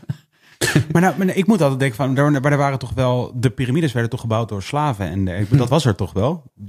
ja, nee, nou, eh, eh, wacht. Piramides zijn gebouwd, inderdaad, maar niet door slaven. Oké, door Egyptenaren Ja. en misschien eh, mensen die op vrijwillige basis tijdelijk werkloos waren omdat het land onder water stond hè, bij de overstroming van de Nijl. Dus Mhm. boeren die met liefde voor de God op aarde eh, het, bouwwerk voor de eeuwigheid maakten. En daar hebben ze jaren over gedaan. En dat zijn eh, religieuze bouwwerken, want ja, het is een, een soort zonnesymbool, een piramide, waarbij de overleden farao in staat wordt gesteld om daadwerkelijk die nachtelijke reis goed te kunnen maken. Om de volgende dag weer samen met de zonnegod in het oosten wedergeboren te worden. Ehm, dus dat staat een beetje los van, denk ik, eh, al het andere. Namelijk dat er zoveel verschillende opvattingen zijn over hoe iets ontstaan is. De schepping kan op verschillende manieren worden uitgelegd. Er zijn verschillende goden. Er is een god die eh, dingen bedacht in zijn hoofd. Eh, dat, of in- nou ja, het wordt niet gezegd in zijn hoofd. Het wordt gezegd in zijn hart. Hij bedacht het in zijn hart. En dat was de god Ptah. Eh, en vervolgens sprak hij de woorden uit en werd het werkelijkheid. Nou, dat, zoiets dergelijks staat trouwens ook in de Bijbel. Als een variant van eh, de Genesis-schepping. Mhm. Ehm, maar zo is er in een andere stad eh, een andere uitleg. Eh, verschillende steden. Eh, de zonnegod Ra, die eh, zichzelf eerst creëerde. Zelfs door masturbatie, zo wordt het eh, gezegd. En vervolgens, en vervolgens creëert hij pas eh, lucht en vochtigheid. En daarna ontstaan pas aarde en de hemel. Moeilijk te volgen, maar het is zo. Eh, dus dat is een van de andere uitleggen. eh, die echt haarfijn naast elkaar kunnen en ook helemaal niet in een andere tijdsperiode. En ook hemelsbreed zijn die twee eh, steden waar eh, die scheppingsleren ontstaan eh, ongeveer 40 kilometer van elkaar ver- verwijderd. Dus die mensen hebben elkaar allemaal gekend. Maar dat was geen probleem. Waar ging het mis dan? Ja, dat is een hele goeie. Waar ging het mis? Weet je, ehm, uiteindelijk is inderdaad ook die Egyptische beschaving verloren gegaan. En weet je, het is echt zo dat er een decreet is eh, uitgevaardigd door een bisschop uit Alexandrië. Mhm. Die zei van al die heidense tempels, die moeten gesloten worden. En dat is pas in 450 na Christus gebeurd. En vanaf dat moment was het ineens over. Was het ook echt in één keer over. Kennis van hieroglyphenschrift verging en ook werd men ertoe gedwongen om eh, ja, het christendom aan te hangen. De- tot op de dag van vandaag is dat in Egypte een belangrijke religie. Hè. Mhm. Ongeveer 15% is koptisch. Dus de koptische eh, eh, christenen zijn zo'n beetje de eerste christenen. We denken altijd dat het alleen maar in het huidige Israël is ontstaan. Maar dat is juist heel snel al in, eh, in Egypte. eh, vanuit Alexandrië naar het zuiden toe gegaan. En pas in 642, dus ongeveer eh, eh, zo'n zo'n 200 jaar nadat die eh, tempel, eh, tempels werden gesloten, kwamen de, eh, de Arabieren binnen die ook de islam hebben geïntroduceerd. En dat duurde nog jaren voordat het zuiden van Egypte geïslamiseerd werd. Dus ehm, die eh, geloofsopvattingen kunnen naast elkaar. En dat is toch ook wel iets heel opmerkelijks. Ik kom heel vaak in Egypte. Mhm. En wat ik net zei, hè, dat en-en denken of dat tolerante, dat naast elkaar laten bestaan, dat zie ik echt eh, heel sterk in Egypte. Ik, ik wil niet zeggen dat dat eh, voor de volle 100% zo is, want er is af en toe, en dan zit er vaak ook nog een ander motief achter. Ja, is er- van politieke aard. Of, ja. ja. precies. Of familieruzies. eh, Ah, ja. tussen, tussen echt, echt eh, dan, dan, dan eh, gaat, wordt er bijvoorbeeld een, een, een stuk grond, landbouwgrond, betwist tussen een moslimfamilie en een christelijke familie. En die vliegen elkaar dan in de haren in Midden-Egypte. Maar doorgaans, van die miljoenen mensen die er zijn in Egypte, echt waar, mijn, mijn, mijn, mijn allerbeste vrienden in, in Egypte, soms weet ik het niet eens. Of men koptisch of, eh, of moslim Ja, ja. is. En eh, Want het uitzicht niet per se in dagelijkse... totaal, Nee. totaal niet. Eh, althans, zeker niet onder de mannen. Bij vrouwen wel, hè? wel een hoofddoek of niet een Ja. hoofddoek. Maar ze spreken dezelfde taal. En als een, een, een, een moslim zegt, Allahu Akbar, hè? God is groot, dan zal de kopt, die zal knikken, ja dat klopt. Ja, ja, precies. Want het woord voor God in het koptisch is ook Allah. Althans, zij spreken eh, Arabisch. Hè? ja. Dus ik, ik, ik, ik moet het even terugnemen. Het woord in het Koptisch is eigenlijk noete. En dat is afgeleid van het Oud-Egyptisch. Maar er is geen enkele Koptische christen in, Egypte die dat woord nog. Hè, eh, alleen, je moet het een beetje vergelijken met Latijn in de christelijke kerk, zeg maar. Hè, dus het Oud-Koptisch wordt eigenlijk alleen nog maar in de Bijbel eh, gebruikt. Want dat is dus de. Dus, dus daar zeg je eigenlijk van ja, nou ja. Het, het, heeft, Het- nog wel wat, Ja. het heeft nog wel wat. Bij vragen nog wel wat weg van wat Juist. het ooit was. Ik koester die gedachte. Ja, ja, dat kan ik me ook goed Ik, voorstellen. en Want- ik vind het heel fijn om dat zo eh, te zien. Dat, dat, want, want er zijn zoveel misverstanden over, nou ja, dat weet je, de, eh, over de islam. Mhm. hier in Nederland ook. Mhm. mensen die, die, die denken, nou, de, grootste, de, grootste, de grootste misverstanden, hè, dat, dat, dat islam, dat dat allemaal eh, geweld is. Islam betekent vrede. ja. En, en eh, de mensen, ook hier in Nederland, eh, het zijn allemaal lieve mensen. Ja. Ja. Dus, en, af en toe zit er eens een gek tussen. Ja, Ja, ja. precies. Ik zag toevallig, zag ik, eh, of niet toevallig, omdat jij hier te gast bent, maar ik zag in, eh, in de, in de commentsectie van de post die we erover deden, zag ik ook dat er vraag werd gesteld, hoe kijk jij naar het eh, Orientalisme, wat, Ja. eh, eh, nou ja, dat, hoe kijk jij daarnaar? Wat, Ja. hoe, hoe is, want dit is Hmm. deel daarvan, zeg ja, maar. dus, maar dan zeg ik ook altijd, ik ben Egyptoloog. Hè? Ik ben echt specialist Ja, in die dus je Egyptische bent niet met de oudheid. politiek bezig? Nee, daar ben ik echt niet mee bezig. Nee. Ik heb ooit wel eens een keer in een radio-uitzending gezeten. Eh, eh, waar het echt over die politiek ging. Hè, Dit bij- heb ik toevallig vertrek- gehoord waar jij het net even toevallig op een lullig moment daar erin Ja. werd gehaald. Omdat er net die ochtend geloof ik een aanslag was geweest in. Parijs. Is ja, dat niet zo? klopt. klopt En, ja. en, en, en er- ik, ik, weet, ik, ik zal het ook luisteren. Ik, ik, ik, had meteen een neiging om die man te zoeken die jou eigenlijk direct eh, in de reden viel. En op vrij agressieve wijze jou was- dwong om te dat zeggen... was- dat, weet je wie dat was? Nou? Dat was Frits Barend. Oh, echt waar? Ja, Jeetje. ja, ja, ja, ja. Ik zei, ik zei dat, het, dat ik.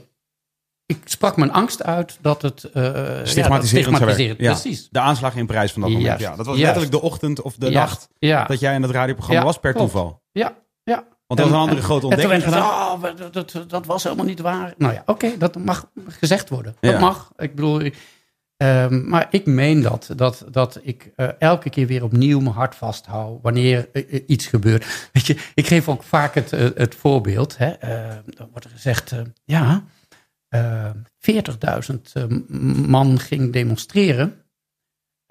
Ja. Bij de- ja. en als ik dan, ja. ja, precies. is dat het Tahrirplein in, in, in Cairo? Dan zegt iedereen, het is daar volledig mis. Ja. Maar als je zegt een Malieveld, nou ja, wel, vanochtend was daar ook Ik het een zeggen, maar- ik sta vanochtend, sta ik, ik sta vanochtend heb denk ik dat ik goed een uur lang, eh, eh, een uur langer over mijn eh, rit naar Amsterdam heb gedaan dan ik normaliter doe. Eh, omdat de boeren Ja. eh, op de snelweg zaten, wat ik allemaal helemaal prima vind. In die zin dat ik vind, het, ik vind het fijn dat we in dit land dat kunnen doen. Precies. Eh, en, en, en prima. En dan rijd ik een beetje om. En dan ging ik nog een beetje maar pod- het, het, podcast het, luisteren. Het, het, het boezemt niet direct angst in. Nee. En als, je, als je iets hoort over een demonstratie, terwijl Ja. wij toch juist in het vrije Westen vinden dat je zou moeten demo- kunnen demonstreren. Want dat als, en als je het doet in die landen, dan is het oh, hartstikke Nou, gevaarlijk. want ik dacht inderdaad van, wat als, wat als, de, als de, dit niet de trekkers waren, maar eh, auto's. En er zaten niet boeren in, maar moslims. Ja. En die hadden een, precies, een, ja. een even, Ja. een even, ja, eh, oprecht of Dat- eerlijk. Dit is wat ik bedoel. Ja. Dat is het, het, het beeld wat voortdurend gevormd wordt. En ik snap dat ook. Bij mensen, dat is de mens eigen. We zijn allemaal bang voor het onbekende. ja, Maar ja, ik, goed, ik kom er heel veel in, in, in, in Egypte. En Ja. ik spreek wat Arabisch. En, en, en mensen zijn mensen, zij houden ook van hun kinderen. ja. Natuurlijk. Ja, nee, dat, daar, ga, daar ga ik voor het gemak even vanuit. Ja. En de, ehm, eh, voor de mensen die dus nu denken van... Want dat is dus eh, grappig als jij dan omschrijft hoe je als kind eh, die poster had en, en, en met piramides. Ik had dat ook. Of ik, ben, ik ben geboren in de jaren tachtig. Dus ik ben ook nog echt van de generatie die, die gefascineerd was en, en, en, in de, en, en de mystiek zag. En, en, ehm, en vooral eigenlijk, want hè, in die tijd was het dus ook... Was dat ook nog niet zo aan de hand als dat dat eh, nu aan de Mhm. hand is? Mhm. Als in, we waren nog niet bezig met, Ja, ja, klopt. met, met ja. die regio als zijnde een probleem, tussen aanhalingstekens een probleemregio. Wellicht was dat natuurlijk al wel aan de hand, maar laat ik zeggen, dat was nog niet zo Het is- evident als dat het nu is. is helemaal aan het daglicht gekomen. Ja, door precies. 11, 11 september. Ja, precies. Dat, Exact. dat heeft het zo Ja. eh, groot gemaakt. Ja. En de oorlog die daarop volgde. En, Ja. hè, en- ja. Maar voor iedereen die dat dus gemist heeft en nu eigenlijk eh, op die manier dus kijkt naar, naar die regio en eigenlijk vooral daar dus deze soort negatieve connotatie bij heeft. Mhm. Wat kun jij zeggen dat we dat dus in ons dagelijkse bestaan. Hoe is, de, hoe is dat, dat Egypte, jij als Egyptoloog, hoe, hoe is dat nog op ons dagelijkse bestaan van betrekking? Wat, wat is in ons dagelijkse bestaan nog heel evident aanwezig eh, eh, vanuit die cultuur? ja. Vanuit toen? Hmm. Nou, ik, ik heb net dat, een beetje proberen te schetsen. Hè? Zeker in, in eh, als je bedoelt in Egypte zelf, hè? die, die, die, die Nee, saamhorigheid. bedoel maar in onze ons, ja. samenleving, ehm, nou, zie ik eigenlijk maar heel weinig eh, daarvan terug hoor. Ehm, wat ik wel zie gebeuren, is dat er een interesse is hè, voor, voor het oude Mhm. Egypte en voor vooral die spiritualiteiten ook. Eh, waar ik ehm, waar niks mis mee is. Maar ik zeg er ook bij, waarvan ik het jammer vind, dat het vaak op een iets. eh, Kinderlijk? nee, niet kinderlijk, maar op een, eh, een eigen invulling eh, niveau eh, Oh ja. wordt. Hè? Dus eh, om een voorbeeld te geven. ehm, ik kom eh, natuurlijk regelmatig in Egypte, kom daar ook wel spirituele groepen tegen. Eh, niet alleen Nederlanders, maar ook eh, uit andere eh, landen. En ik luister wel eens naar gewoon wat, wat gezegd wordt. En dan denk ik, ja, maar wat je hier zegt, dat is niet zo. dat is gewoon niet zo. Ja. Dat, het, gewoon heel gewoon eh, formeel, feitelijk klopt dat verhaal niet. Of eh, hè, mensen staan dan te mediteren met hun handen op een bepaald voorwerp. En dan wordt er gezegd, dit is het, het heilige altaar. Terwijl dat helemaal geen altaar is. het is een, een, een stuk steen waar een houten bark, een houten boot op neergezet wordt. Mhm. Tijdelijk, in een processie. Hè, ehm, dus die, die, die misverstanden en, en die misinterpretaties ook over voorstellingen. Dan ziet men iets en dan, denkt, dan zegt men, hé, hey, dat, is, eh, een, een, dat is vast een hele gevaarlijke god. Hè? Die jakhalskoppige god, Mhm. terwijl die een absolute positieve beschermgod is. Ehm, ja, dus ik vind het prima wanneer mensen eh, met het oude Egypte eh, daar iets bij voelen. En, en, en, en, en een soort mystiek voelen. Maar eh, ja, ik ben er dan iets te veel wetenschapper voor. En te veel met die teksten bezig geweest en voorstellingen. En het is mijn vakgebied. En dan, ja, je kunt dat, dat, ik denk dat iedereen dat heeft in, in, in zijn eigen vakgebied. Als Ja. iemand anders eh, wat loopt te beweren. Ja, waarvan ja. je denkt, heb je dat nooit in verdiept. Maar er zijn toch wel wat, van, er, wat hele praktische zaken die wij nog steeds eh, eh, hanteren, die vanuit Oh, ja. daar komen. Oh, zoals de zo. 365 dagen in een jaar en dat soort dingen. Dat bedoel je. Ja, dat bedoel ik. Tuurlijk, ja. Nee, zeker. We hebben, dat, ik kan je een leuke anekdote vertellen. Dat ik ooit wel eens een, een, een rondleiding gaf in het Museum van Oudheden in Leiden. En daar vertelde over een binnenkant van een mummie kist, hè, de, de deksel ervan. Mhm. Daar zie je die hemelgodin Noet. Maar links van haar zie je twaalf uur godinnen van de nacht. En rechts van haar zie je twaalf uur godinnen van de dag. Hmm. Dus het 24 24 uur. 24 uur systeem. En, ik, en toen werd er gezegd, goh, wat knap dat zij dat toen al zo wisten. Ja, En ik zeg, dat is echt zo'n meta shit. geweldig. ik, ik zeg, wij hebben het aan de Egyptenaren te danken. Het knap dat wij het hebben ontdekt, maar dat zij het toen al wisten. Wisten, ja, precies. Wij hebben ons 24 uur systeem aan de Egyptenaren te danken. Dat Zij is hebben echt ook heel een, mooi. hè, het Op zich decimale... zou de Egyptenaar misschien dat, die gedachtegang wel goedkeuren, omdat die persoon wellicht Ja, denkt, ja, in- ja, nee, wacht, mijn dag is vandaag begonnen. Ja, precies. Ik heb het vandaag ontdekt. In het Egyptische denken zou het passen. Ja, Ja, maar, precies. maar ik, vond, ik moest er toch een beetje om glimlachen. En eh, ja, ook, ook, nou ja, nog wel meer. Je zei terecht, hè, 365 dagen. Maar dat is ook nog wel aardig. Wij kennen natuurlijk een schrikkeljaar. Hè. Eens Ja. in de vier jaar komt er een, eh, een, eh, een dag De bij, hè. oplossing. Ja, de, eigenlijk, eh, mist er eigenlijk een kwart dag hè, in, in een cyclus van een jaar. En de oude Egyptenaren, ja, die hebben gewoon 365 dagen aangehouden. En kwamen er op een gegeven moment ook wel achter dat dat niet helemaal parallel liep met de seizoenen.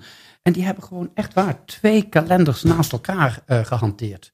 En door bepaalde astronomische waarnemingen te doen, die Hmm. ieder jaar weer eh, op hetzelfde moment in onze kalender plaatsvindt, zeggen ze, hey, dat hè, bijvoorbeeld het verschijnen van een ster, de meest heldere ster aan het noordelijk halfrond, dat is de ster Sirius. Mhm. Nou, die is 70 dagen lang onder de horizon, dus die kun je niet waarnemen. Maar wanneer die uiteindelijk weer terugkomt, dan is dat voor de oude Egyptenaren nieuwjaarsdag. En dat is niet in, eh, op 1 januari, maar dat is juist een beetje afhankelijk van waar je de waarneming deed in, of doet in Egypte.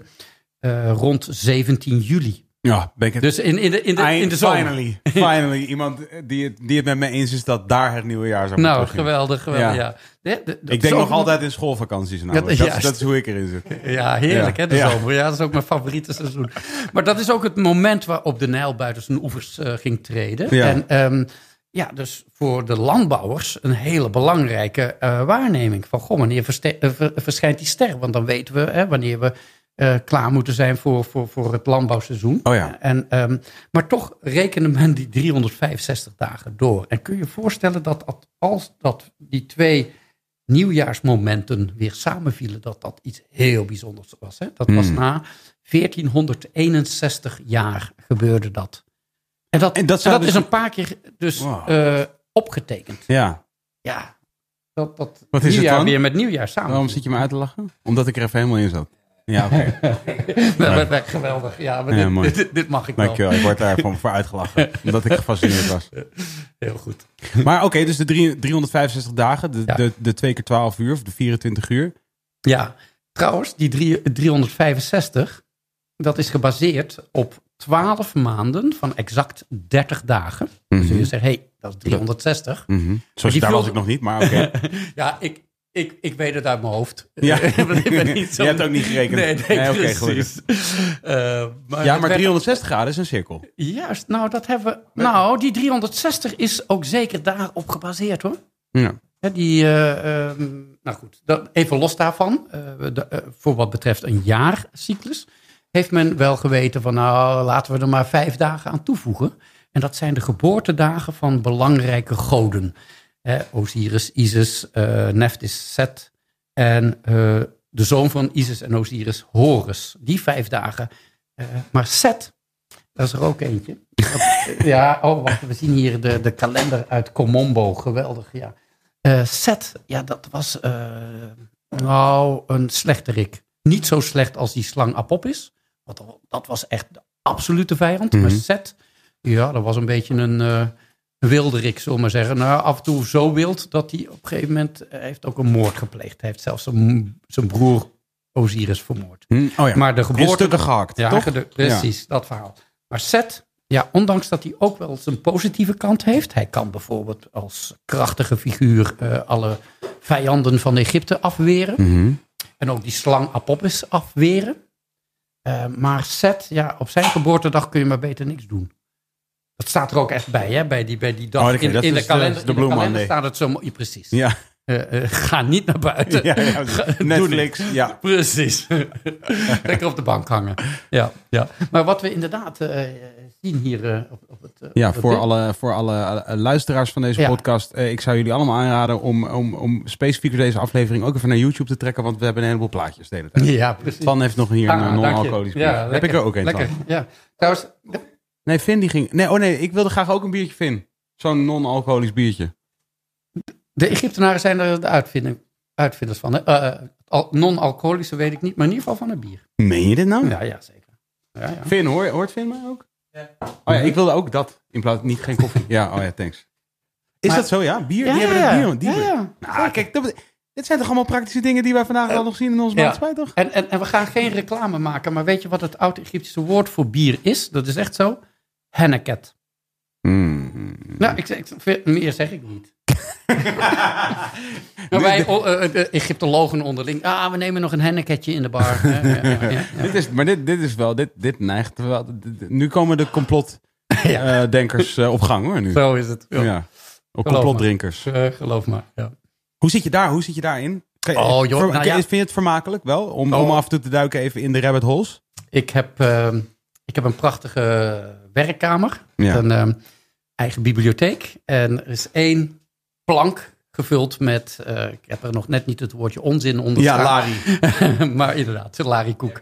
Flesje. Eh, maar geweldig. Ja, ik, ik, ik vind dat ik het ook moet lezen. Ja. Ik vind dat ik eh, moet weten wat er zo speelt. Hè. Eh, en ik zie het natuurlijk ook wel in eh, documentaires terugkomen. Ehm, ja, wat moet ik ervan zeggen? Ik, ik, ehm, weet je, als je, als je het al te heftig eh, bekritiseert en, en voortdurend zegt van nou, wat, wat een onzin en wat een eh, charlatans. En als je die houding aanneemt, dan ben je de wetenschapper die niet eh, ruim durft te denken. Mhm. en niet out of the box durft te denken. Ja. Maar ik zei het net al, ieder van ons, ook de, iedere luisteraar, die zal, welk vak je ook uitoefent, binnen je eigen vakgebied hoor je af en toe ook wel eens mensen die met jou praten en dan echt de meest grote larikoek eh, verkondigen. Ja. En dan denk je, oh. En ga je jezelf verdedigen, mm, zeker in die Egyptologie, dan wordt er al heel snel gezegd, ja, jullie Hè, jullie in wetenschap, jullie Egyptologen, jullie hebben er met z'n allen eh, een soort van. Jullie ja, heilig gemaakt wat Ju- jullie eh, hebben ja, ontdekt. ja. En eh, wij mogen niks meer En, bedenken. het liefste zou ik nog willen zeggen, nou ja, ja, ja, ja, ja we hebben inderdaad een soort geheim eh, te houden. en ik ga het jou niet vertellen, maar nee, maar ik, in, in het, het boek hè, wat hier ligt, Egypte ontraadseld, daar, ik zeg het ook in het voorwoord, dat ik het op zich wel goed vind dat er mensen zijn die met dit soort onzinnige theorieën komen. Want dan kan ik zo mooi vertellen hoe Ja. het werkelijk zit. ja. En, eh, en natuurlijk zijn er ook een heleboel dingen die we niet weten.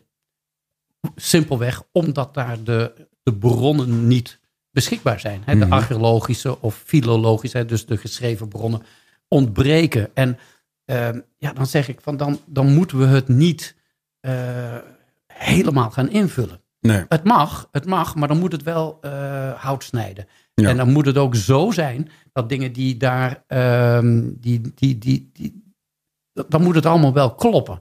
En wat ik heel vaak zie gebeuren, is bij die meest waanzinnige theorieën, dus over buitenaardse wezens die, die de piramides gebouwd zouden hebben, of, ander, of een oude... Dat, dat kun je bij deze debunken? Dat is niet gebeurd? Dat vind ik wel ja, een nou ja, ja hè, jammer hè. Ja, nou ja, ik zeg ook altijd. Nee, maar dat, ik meen het serieus hè. Als daar een, echt een bewijs voor is, nou, dan is dat zo.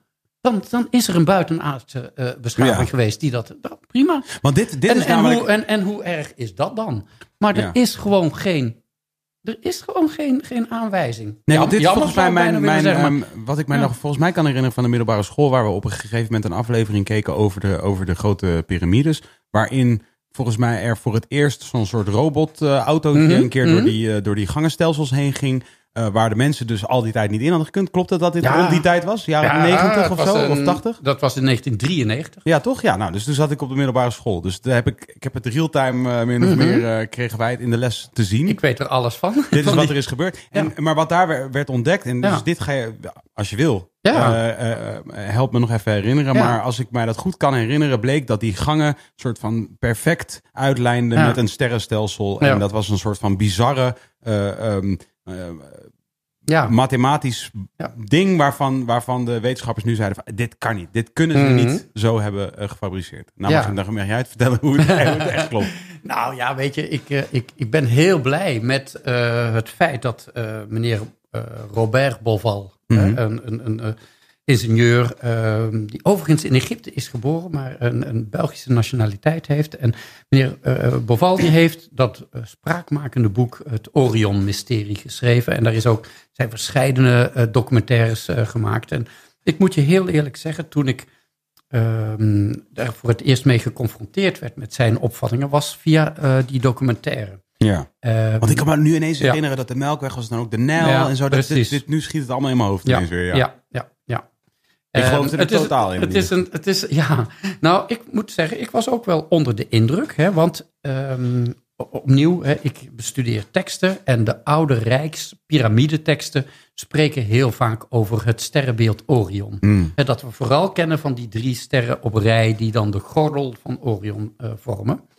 En eh, hij eh, beweerde dat, die, dat de piramides van Gizeh, hè, de drie bekende piramiden, dat die zodanig gepositioneerd zijn, ten opzichte ook van de Nijl, dat we eh, kijken naar een soort eh, projectie uit eh, het heelal van die drie gordelsterren ten opzichte van de Melkweg. Ja. Alleen klopte dat dan niet voor de tijdsperiode waarin die piramides zijn gebouwd.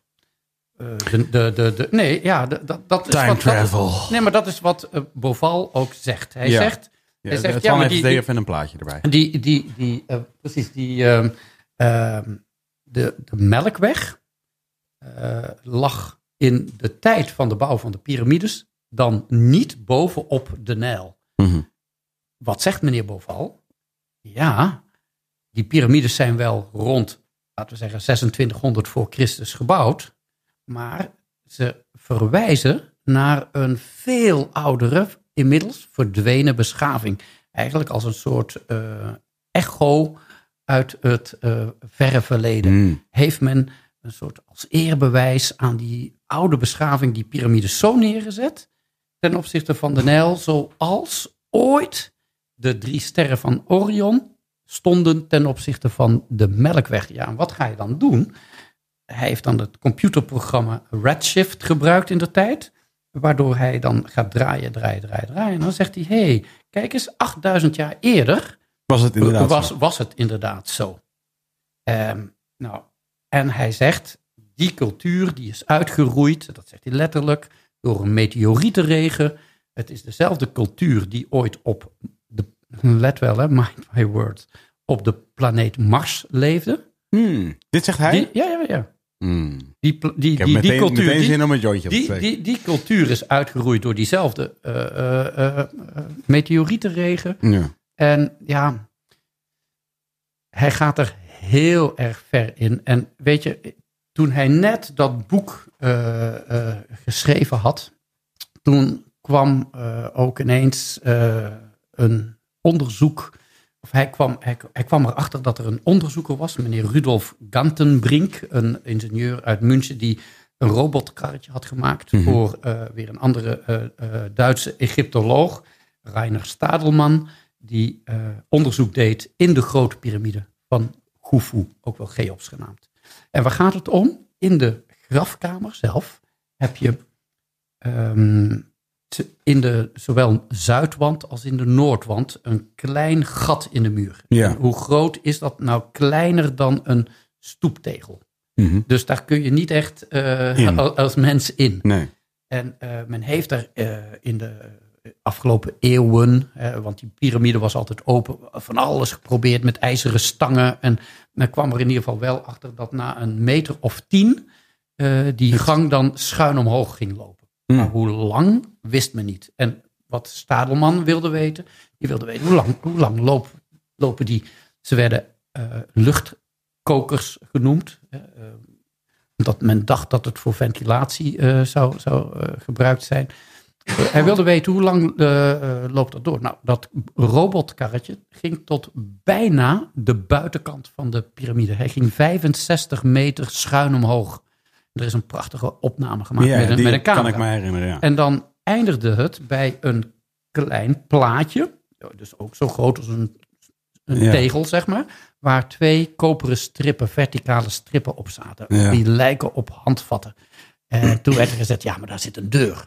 Ja, dat kan ook En herinneren. dat werd de wereld ingezonden. En dat was niet in de tijd van Google. Ja, wij, eh, voor ons is eh, eh, tegenwoordig Google zo ontzettend... eh, Ja. hè, maar dat was Nou, toen ik deze niet documentaire zag, had ik nog niet, geen mobiele telefoon. Dus Ik, ik werkte destijds in het Museum van Oudheden. Mhm. Ehm, meneer Boval heeft ja, werkelijk eh, bij een biertje in de, in, in, in de bar van het Mena House, het, het, het grote hotel vlakbij de piramide, eh, ja, die, die, die informatie ontfutseld aan die meneer Kantenbrink, die, die ingenieur.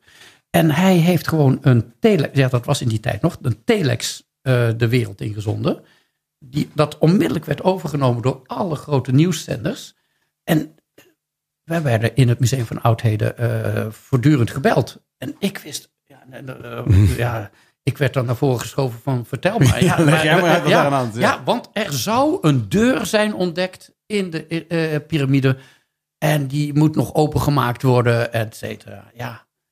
Ehm, in de tijd had je ook meneer Hawaas al aan de macht, zou je kunnen zeggen. Mhm. Als eh, de, de, de hoofd van de oudheidkundige dienst. En die was zo verbolgen over het feit dat eh, meneer Boval dit zo de wereld in had gestuurd. Dat hij had gezegd van ja, ik stop, we we stoppen met alle onderzoek. Dus ook eh, Rudolf Gantenbrink moest stoppen met zijn onderzoek. En het is pas tien jaar later geweest dat Hawaas zelf met een ander robotkarretje Mhm. ehm, eh, eh, een gaatje in die, in, in die deur zogenaamd hè, geboord heeft. En dan met een cameraatje naar binnen.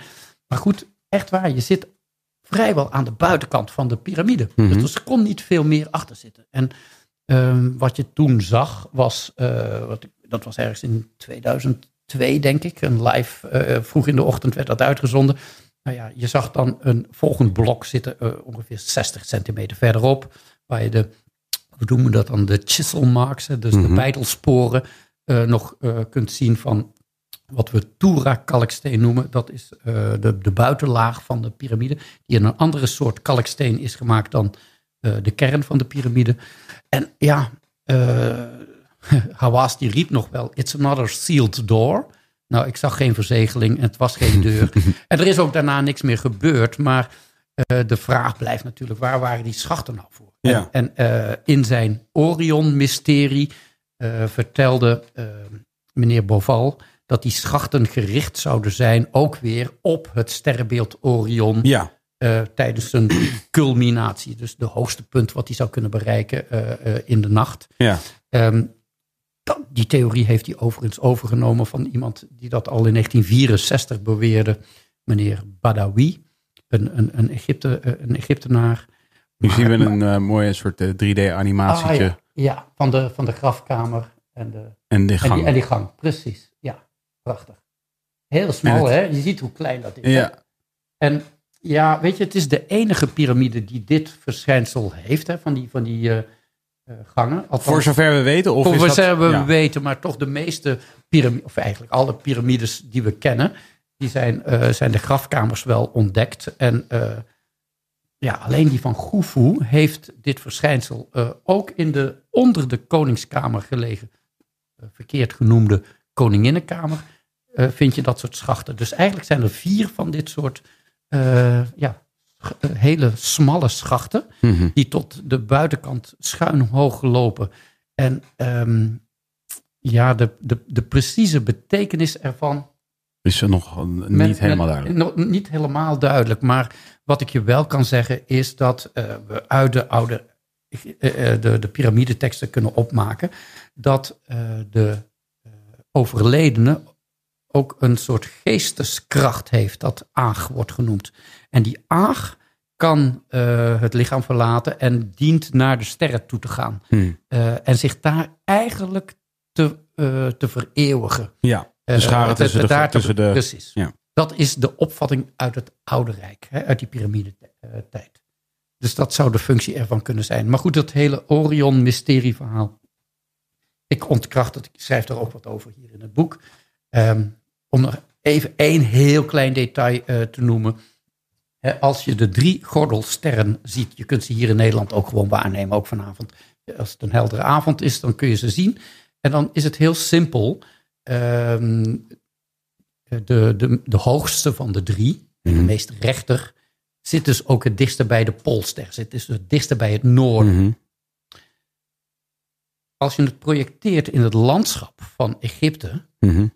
die drie piramiden, dan zou de, die, die, die meest noordelijke ster liggen op de meest zuidelijke piramide.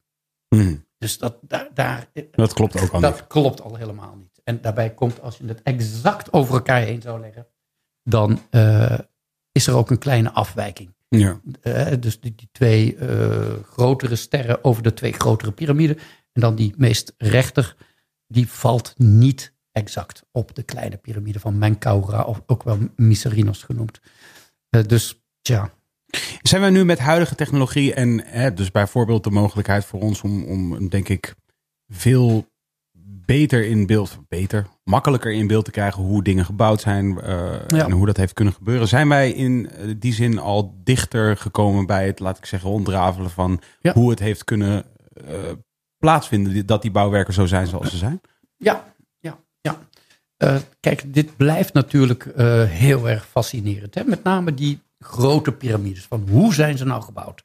Ehm, en aangezien we echt helemaal niets aan teksten hebben, wel wat archeologische vondsten. Hè? We weten de, de, de eh, materialen die men gebruikt heeft. Men heeft sledens teruggevonden. Maar hoe nou precies het proces in zijn werk ging en hoe men die blokken eh, in elkaar heeft gezet. eh, daar heeft men een paar jaar geleden een grootscheeps eh, onderzoek eh, is men gestart. En dat Mhm. heet Scan Pyramids. Zou je even kunnen googlen. Het is een prachtig project waarbij verschillende scantechnieken Ja. eh, met elkaar gecombineerd worden. En dan gaat het om vier piramides. Twee in de plaats Dashur, de eh, welbekende knikpiramide en de rode piramide. Allebei van dezelfde farao Snofru, de vader van Khufu. Khufu, de bouwer van de grote piramide in Gizeh. Eh, en daar vlakbij ligt natuurlijk die van Gafra. Dus twee van Snofru, Snofru, één van Khufu en één van Gafra. Die vier piramides worden echt volledig doorgelicht met alle mogelijke scantechnieken die je zou Ja. kunnen bedenken. Infrarood, eh, maar ook muon-technologie. Dus eh, ja, eh, muonen, dat zijn kleine deeltjes die vanuit de ruimte, want dat is ook zo mooi, dan wordt er gezegd, ja, extraterrestrial. Weet je wel, maar ja, Ja. ze komen vanuit de ruimte, Ja, hè, precies. die, die komen op aarde, maar die gaan dwars door materie heen. Ja. Eh, ook door gesteente gaat het heen. En met geavanceerde eh, apparatuur kun je dus dan eh, waarnemen hoe snel die deeltjes dwars door bouwwerken heen gaan. En als het op een gegeven moment sneller gaat dan op een andere plek in het bouwwerk, dan mag je aannemen dat er een holte zit. Hmm. En zo heeft men wel degelijk ehm, in de piramide van Khufu een extra, een, een vrij grote ruimte ontdekt. Een void, zoals het genoemd Ja. wordt. Ehm, ja, dan is het eigenlijk alleen maar van, ja, wat, waar is die dan voor bedoeld? Het, het, het bijzondere is wel dat die void precies boven wat we de grote galerij noemen, eh, gelegen moet zijn. En de grote galerij is een eh, enorme lange hal van meer dan 20 meter lang en die schuin omhoog loopt, die 8 meter hoog is. En die, dat weten we nu wel zeker, ooit bedoeld is geweest, als je het, het is een beetje ingewikkeld, maar ooit bedoeld is geweest om bij de bouw daarin een soort tegenwicht, een heel groot blok steen dat in een krat zat Mhm. en aan touwen eh, vast zat, eh, naar beneden te laten glijden. Als een Mhm. soort glijbaan om aan de andere kant buiten, Ja, buiten te de piramide, iets, iets, ja. naar boven te takelen. Ja. Met name de hele zware blokken graniet die gebruikt zijn voor de bekleding van die grafkamer. Mhm. Vrij hoog in het bouwwerk. Ga dat maar eens naar boven trekken. Nou, daar heeft men dus gewoon ook de zwaartekracht van een, een tegenwicht voor gebruikt, samen met menskracht. Eh, en die, die grote hal heeft men uiteindelijk nooit ingevuld met eh, blokken steen. Want hij was ook heel praktisch. eh, je kon via die hal, die, die Grand Gallery zoals die genoemd wordt, eh, gebruikt om de grafkamer te bereiken. Hmm. Bij, bij de eh, bijzetting, hè, bij de begrafenis. Maar nou lijkt het erop dat ongeveer een meter of 20, 25 daarboven eenzelfde soort eh, constructie is gebruikt. Wellicht ook weer om andere Ja, blokken. dat kan ook zomaar voor dezelfde dezelfde, reden zijn. dezelfde reden. Dus ik verwacht niet direct dat daar nog allemaal enorme goudschatten of hele belangrijke documenten. Dat, dat, tuurlijk hoop je dat Mhm. altijd. Hè? Mhm. Maar ik wil, die, ik wil dat toch een beetje wegnemen. Omdat het op basis van alles wat we weten van die tijdsperiode. Er zijn honderd piramiden eh, in, van, van koningen en koninklijke familieleden eh, teruggevonden. En er is eigenlijk nooit een, eh, een kamer teruggevonden met eh papyrusrollen of met goudschatten. Wel sarcofagen, soms zelfs nog met menselijke resten waarvan men denkt, hé, hey, dat zou misschien wel eens botmateriaal van die koning kunnen zijn. Weten we niet zeker. Kan ook zijn dat er in latere tijd iemand anders in is Ja, eh, eh, herbegraven. Of eh, hergebruikt, hè, dat graf. Maar ehm, ja, dat, dat idee van dat in die piramides nog allerlei geheimen eh, liggen die de mensheid gaan redden. Of onder de De voorpoten. bron van of, de eeuwige of, of onder, de, onder de voorpoten van de Sphinx. Hè, wat, eh, ja, er is voor mij geen enkele reden om dat aan te nemen. Ik leerde onlangs eh, een, een x-aantal dingen, waaronder ehm, dat het grootste bouwwerk gebouwd sinds de grote piramide de Eiffeltoren is. Ja. Dat eh, leerde ik onlangs. Qua Het hoogste- hoogste bouwwerk, ja. Hoogste, ja. dat, ja. Dat vond, ik, dat vond ik shocking wel om te horen. Dat ik dacht van, oh, dat is wel Ja. gek eigenlijk. Als Ja. je dan inderdaad, na- eh, dat, dat, dat vergroot de fascinatie alleen maar. Omdat je dan denkt, van, dus zo lang heeft het moeten duren voordat wij uitvogelden. Het is ook niet voor doen. niets eh, de enige nog zichtbare wereldwonder uit de oudheid. Ja. Hè? Die zeven wereldwonderen. Ja, ja, De piramides van Gizeh. ja. En eh, ooit was die piramide van, van Khufu zelfs nog 10 meter hoger dan dat hij nu is. Hij is nu eh, 137 meter. Maar de buitenste laag is er ooit afgehaald. Zelfs nog in de 12e eeuw na Christus. Die is er afgehaald? Ja, ja, bij een zware aardbeving in de Mm. stad heeft men eigenlijk Gizeh, eh, die, die vele graven die daar zijn, maar ook de kalkstenen blokken, juist die hele mooie verfijnde Toura kalksteen heeft men gebruikt voor de wederopbouw van de stad. Hmm. De stad Oh ja, Cairo. Na, na, ja. Dus- en wat ik leerde is dat de tijd tussen de, ehm, tussen de Sphinx en de piramides is langer dan tussen de Ah, ja, dat is ook zo eentje. ja. Nee, is dit niet waar? ook dat is een hoofdstuk trouwens. Oh, Oké, nou mooi. Spoiler alert. Ah, eh, nou, laat ik, laat ik dit als eerste zeggen. Ehm, die Sphinx, die, dat is een fascinerend bouwwerk, zou je kunnen zeggen. Eigenlijk is het niet echt een bouwwerk, het is een beeldhouwwerk. Want het is rechtstreeks uit de rotsen gehakt. Ja. Hoewel het soms lijkt alsof de kop van eh, die farao-kop, hè, eh, dat die er los opgezet is in een andere steensoort. Het is een andere kalksteenlaag. hè. We spreken daar over het Mokatam kalksteen. Dat heeft drie verschillende lagen. hè. Dat ooit eh, miljoenen jaren geleden was dit eh, zeebodem. Dus je kunt je voorstellen, al die verschillende schelpjes leveren verschillende Ja, verschillende, kwaliteit. En, en die Tura-kalksteenlaag zit eigenlijk ook in die kop van die, van die sphinx, die veel verfijnder is. Maar het is dus een, eigenlijk eh, wat men in de geologie eh, vaak een jardang noemt. Een jardang, met een Griekse ei geschreven. Mhm. Eh, dat komt over de hele wereld voor. Ehm, door Ja. regenerosie of door winderosie kunnen rotsen zo uitslijten dat het een, een bepaalde vorm krijgt die Mhm. ergens op lijkt. En soms in, in, de witte, Ja. in de witte woestijn in Egypte eh, eh, staat ook ergens een wipkip, herinner ik me. Ja, precies. is- Want mensen, mensen willen graag gezichten in alles zien zien. iets Ja. erin. Hè? Ja. Dat ke- herken je wel. Nou, dat hebben de Egyptenaren natuurlijk ook zo gekend. Die hebben ook zelfs in het eh, zuiden van Egypte een rotsformatie herkend als een, een gierenlichaam. Daar, precies daar waar de, eh, de giergodin Negbet werd vereerd, daar vind je in een eh, lege rivierbedding, eh, in een wadi, vind je een rots in de vorm van zo'n gierenlijf. Mhm. Dat weten we ook dat ze dat hebben gezien als gier, omdat er inscripties op staan. Oké. En nou, zo is ook dat leeuwenlichaam van de Sphinx al voor een deel zo gevormd door eh, erosie. Ah, Dat is zeker. Ja. Dat is zeker. En dat hebben de oude Egyptenaren dankbaar aangegrepen. Ja. Om dan vervolgens het gezicht wat, Ja. wat verder uit te werken. De poten eh, wat langer te maken. Ja. Maar de rest van het lichaam Was eh, eigenlijk al was er al. Was er al. En eh, ja, dan zijn er geologen die onderzoek doen naar de rug van die sphinx. En die zeggen, ja, maar hier zijn eh, verticale erosiepatronen. Dus dat is regenwater. Ja. Dat betekent dat, deze, dat dit beeldhouwwerk veel ouder is dan we eh, aannemen. Ja. En komt men natuurlijk, ja, zo gaat dat, hè. men terug bij... En dat- er is een beschaving van voor de... Datzelfde, Ja. datzelfde jaartal waar meneer Boval het over heeft. 10.000 10.500 voor Christus. Iedere keer zie ik het terugkomen. Ja, maar het is leuk, Ik hè? zie- ja. Het is zo leuk. Je Het, wil het cellofaantje van je boek af? bijna, ja, Ja. hier.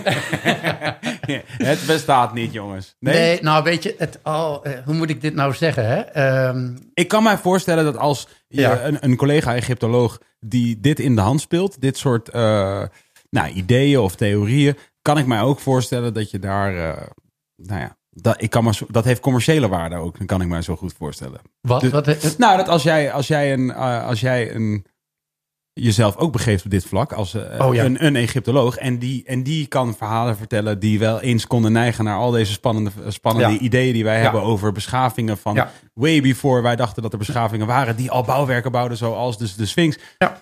Dat is een verhaal wat mensen willen horen. En dat, dus ik kan me ook voorstellen dat, zeg maar, als een, Ik, als eh, een oprechte, eerlijke wetenschapper je snel zoiets hebt van, ja, maar deze man of Ja. vrouw, nou ja, laat ik het zo zeggen. Er zijn mensen schat en schatrijk geworden. ja. Aan Ironisch onzin, genoeg. Aan, aan, aan onzin. Mhm. Dat is zo. En, en dat eh, ben ik daar jaloers op. Ach, Dat heb ik niet gevraagd. ach ik, denk, ja, ik denk wel eens, ik zou het. Weet je, ik heb fantasie genoeg. ja, ja, ja. Ik, ik ga het niet doen. Ik ga het Ja. gewoon niet doen. ja. Eh, von Deneke waren de grote cosmonauten. En het wordt als bron gebruikt, hè? Door die andere charlatans die in de. Ja, en ik kan ze zo allemaal opnoemen: John Anthony West. Eh, en natuurlijk, ik noemde eh, eh, Boval al. eh, Maar in- bij- in- in- Hancock is er ook zo een. Nou ja, dat zijn mensen die. ehm, was het maar zo dat ze gewoon de studie Egyptologie hadden gedaan Mhm. dan konden ze er op een gegeven moment niet omheen, weet je. Ja. Eh, eh, weet je, als je, mij, als je mij vraagt in één avond te gaan bewijzen dat eh, Adolf Hitler voor Julius Caesar heeft geleefd, Mhm. dan kan ik dat bewijzen. Ja. Ja, dan, dan en, en, en, en, en, en, en dat, en dat Napoleon, en dat Napoleon eh, tien jaar geleden is overleden, kan Ja. ik dat ook bewijzen. Weet Ja. je, dan, dan zoek ik van alles Ja. wat in die richting gaat. En kijk, Ja, precies. Ja, precies. maar zo gaat het. Ja. Zo gaat het. En eh, mensen geloven dat dan. En dat, dat mag. Maar het is aan mij om te zeggen, jongens, hé, hey, wacht even. wacht even, kijk ook even verder. Hè. Ja. Eh, En, ehm, ja, en weet je, nou, de- ik wil het even omdraaien. Want ik zeg ook in, in het voorwoord van het boek, ik zeg, eh, ook ik voeg af en toe wat dingen toe eh, waar geen consensus over bestaat. Ik, ik, maar ik probeer wel altijd bij eh, de oude bronnen te blijven. En ook niet dingen die niet in mijn eh, ehm, theorie passen weg te, weg te moffelen. En niet naar te kijken. Alleen, ik, ik leg dingen iets anders uit Mhm. dan eh, collega-Egyptologen. ik zeg niet dat zij, geen, dat, dat, dat zij ongelijk hebben. Eh, Dat is typisch dat Egyptische denken. Ja, zij ja. hebben ook gelijk. Ja, dat, ik, wilde, het- ik wilde het net al Ja, zeggen. Zij hebben ook gelijk, maar ik, ik, leg, ik verschuif accenten. Ja. En, en, ja, eh, en dat, dat vind ik dan leuk. En dat is misschien niet helemaal wereldschokkend. Maar dat verhaal wat ik je nu vertelde, hè, over, over wedergeboorte en over die navelstreng Mm. en over die. eh, dat is ja, waar een hoop Egyptologen van zullen zeggen: ja, nou, ik zie het niet zo. ja, precies. Hè? En ehm, ja, zoals ik het nu gepubliceerd heb, is het natuurlijk populair wetenschappelijk. Ik ga niet heel diep allerlei voetnoten aanhalen. Nee. Maar als mensen het willen weten, dan kunnen ze me een, eh, een, eh, een mail, doen. mogen, ze, nee, mogen ze me een mail sturen. En ik wil het ook best op mijn website eh, de wetenschappelijke artikelen gaan, gaan publiceren. Maar, Ja. hè? Hoe, va- hoe, vaak ben je, hoe vaak ben je nu in Egypte? Nou, ik ben daar zo twee à drie keer per jaar. Ik eh, ben er eh, vanaf 22 november weer voor tien dagen in Luxor. En dan heb ik een mooie reis in, eh, in februari, eh 17 dagen. En het gebeurt ook wel eens dat mensen mij ja, in een privéreis vragen. Hè, zo van, wil je onze gids zijn? Oh, echt? Gewoon Ja, voor, dat wijze van spreken gewoon een gezinnetje Ja, en die zeggen van, wil je met het gebeurt, het gebeurt. Maar dan, ja, daar, daar moet ik dat nou precies zeggen? Eh, Normaal gesproken, hè, dan neem ik mensen mee die al heel erg eh, Egypte als passie hebben. Mhm. Heel veel weten. Ja. En, en dat, dat werkt heel fijn. Ja, Want die neuzen staan dezelfde kant op. En ze willen allemaal hetzelfde. Ze willen Ja. het horen. Ze willen het. Hè, eh, en ehm, ja, als het bijvoorbeeld voor een bedrijfsuitje. Prima. prima, Ja. doe ik het ook. ja. Maar dan moeten we dus om drie uur alweer terug zijn in het hotel. En, Ja, en dat vind ik lastig. Want dan begint de Want ik, winkel. wil, want ik wil nog even door. Ja, precies. Dus snap je? Dus maar ik doe dat. En eh, dat, ja, ook dat is leuk hoor. Ehm, maar het liefste toch eh, ja, met mensen die het oude Egypte als, als, een, als een passie zien. Ja. En, en, dat, en dat breng ik hen ook wel bij. Hoor. Want het, het- ik, hè, zoals je weet, ik geef cursussen. Mhm. En dan zijn er mensen vaak helemaal blanco. Maar gaandeweg, en zeker met hieroglyphenschrift, dan wil men door. En dan, ja, en dan zeggen ze op een gegeven moment van, nou ja, ik wil wel met jou mee naar Egypte. dus, een soort klantenbinding eh, zou je wel kunnen, Ja, ja, ja, ja, ja. voor, voor, eh, hoe, hoe, wer- hoe werkt dat met de cursussen? Kun je daar, eh, hoe, wanneer, op welk punt kun je daar instappen? Ja, daar heb je helemaal geen, voor, daar heb je helemaal geen voorkennis voor nodig. Iedereen die nu naar de, de podcast luistert, eh, die kan naar mijn website egyptologie.nl. En daar vind je mijn cursus. Ik ben net afgelopen zondag met een hieroglyphencursus begonnen. Maar daar heb je geen taalkundige voorkennis voor nodig. Wel, eh, zeg ik erbij, eh, het, het, het, met alleen maar toehoren kom je er niet. Mhm. Je zult echt wel thuis ook wat moeten voorbereiden. Hè? Je krijgt wat eh, studiemateriaal, wat huiswerk mee.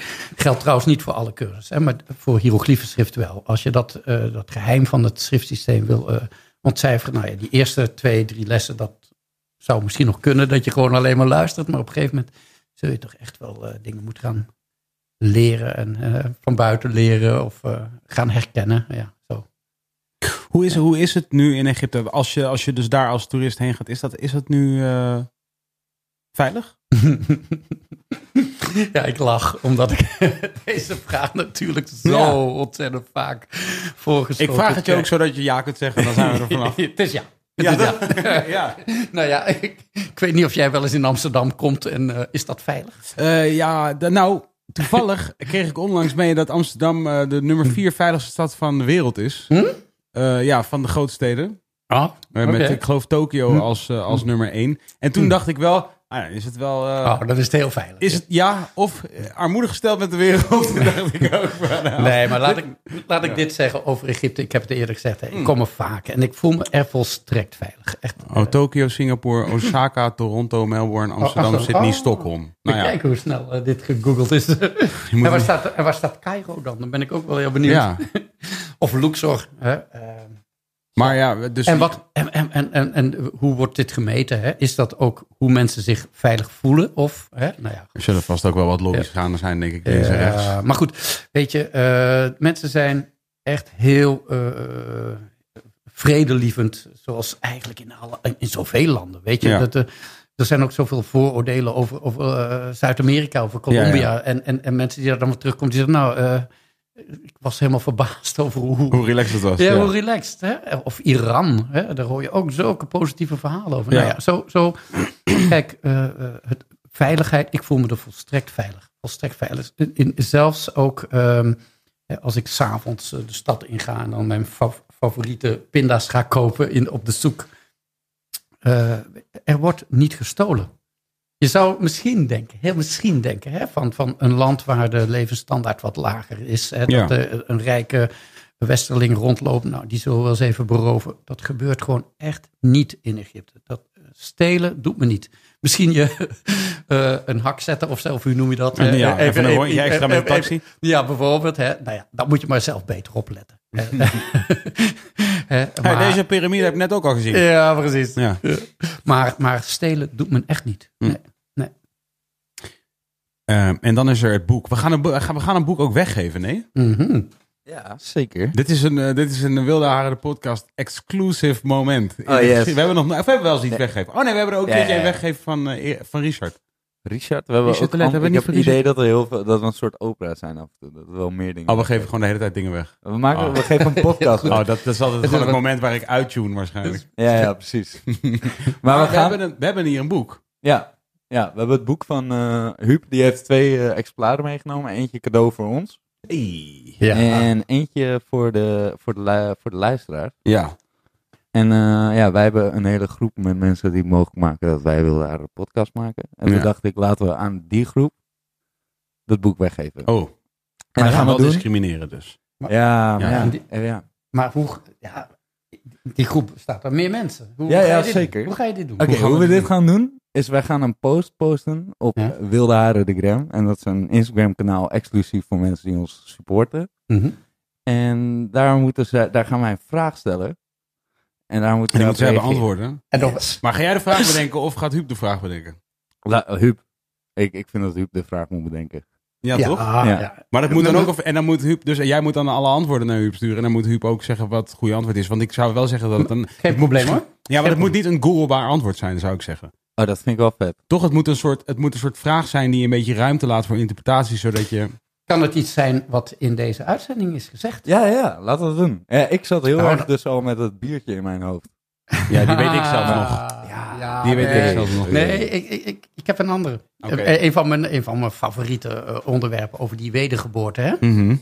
En ik sprak over het amnion als het vruchtvlies. Hè? Die, Mhm, zak, mhm. die zak met water gevuld waar de foetus in zit. Maar welke naam hoort bij de slang die die positieve bescherming biedt? Hmm. Er zijn een De hele hoop de- namen de, voorbij gekomen. Egypti- de Egyptische naam van die positieve beschermslang die ik dus als de, het amnion zie. Nou ja, dit wordt hem. Het is dus eh, Amsterdam Dance Event. Ik heb ook het gevoel dat ik net eh, zeg maar al deze Egyptische namen allemaal EDM-DJ's voorbij heb horen komen. Hebben jullie dat ook? Ja, toch? Ja, ja. Dus een soort allemaal van die soort.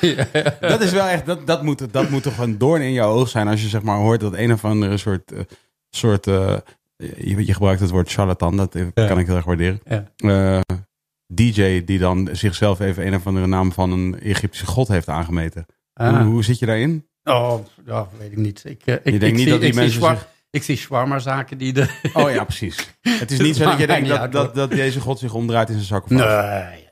Eh, is een Maar niet hele... uit. Een hele Nee, ze zijn heel relaxed. hè? eh, precies, hebben we heel geleerd. to- Heel, tolerant. Ja, precies. Dat is cool. Oké, als, nou, jij dat wil, als jij lekker wil eh, rappen in het, eh het hiernamaal, prima. De, e- de- een van de grootste rappers van het moment in Nederland is een Egyptenaar, trouwens. Jo Silvio. Mm. Ja, toevallig. Dus die was hier, die was hier ook... nee, die was hier niet. Nee, die was onlangs was ik met hem. En hij had dus ook een, een ketting met daaraan... eh, Ah, ja, ja, ja het, een cartouche. Een, eh, zo'n zo'n naamring. Nee, hij had... eh, nee, hij had Of- je moet even kijken, eh, Twan, of je dat kan vinden. En anders dan laat ik je dat later nog een keertje zien, Huub. Maar ik zei dus ook... Of was het Ja, een- kijk. Ah, Nefertiti. Ja, Ja, dat is er. Dat is dus de echtgenote van, van Agnaton. Oh ja, dat- precies. Ja, nou weet ik het weer. En dat en waren de ouders van...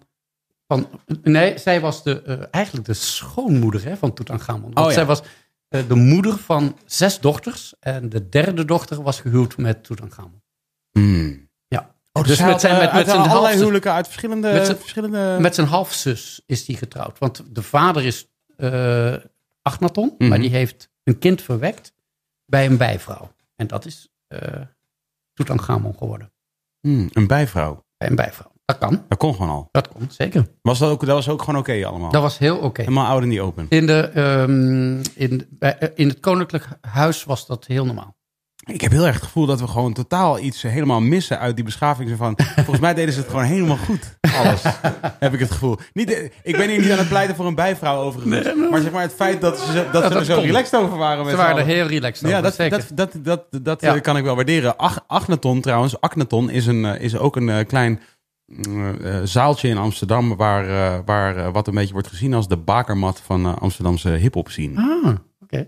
Zo, zo leer ik eens wat. Nou, heb ik ook nog wist wel. ik niet. Nee, daarom dus je hebt allerlei namen genoemd. Ja. Eh, Isis is een hele, be- Ja. is een hele Ja. bekende Nederlandse eh, Ja. DJ. Ja, dat En, weet eh, ik. Dat, zijn- die is al een, een lange tijd bezig. Ja, zijn een ja. heleboel namen die je net hebt genoemd... waar ik allerlei eh, meer soort popculturele referenties eh, Ja. van, van weet. Maar Huub, super bedankt. Echt Ja. eh, super interessant. En ik hoop eigenlijk dat als, we, als, als, er, als er nog wat, eh, als er wat gebeurt... Ja. ergens op Ja, het... mag je me altijd bellen? Ja, dat gaan we echt doen. Dat Ja, lijkt me lijkt heel leuk. Leuk, Ja. Zeker. Ja, toch? Ja. Ja. Nou, top. Finn. Twan, thanks. Wil je nog wat zeggen? Nou, we gaan eindigen, begrijp ik. Ja, dit is hem. dit is hem. Twee uur hebben we zitten kletsen. Ja, alleen over Egypte. hè? Ja, toch? Daarom. Ik heb, ik, ik heb er een piramidehoofd van gekregen. Nee, grapje. Ehm, nogmaals, hartstikke bedankt Ja. thuis. En eh, Ja, eh, iedereen die luistert tot de volgende week. Yeah. Oké dan.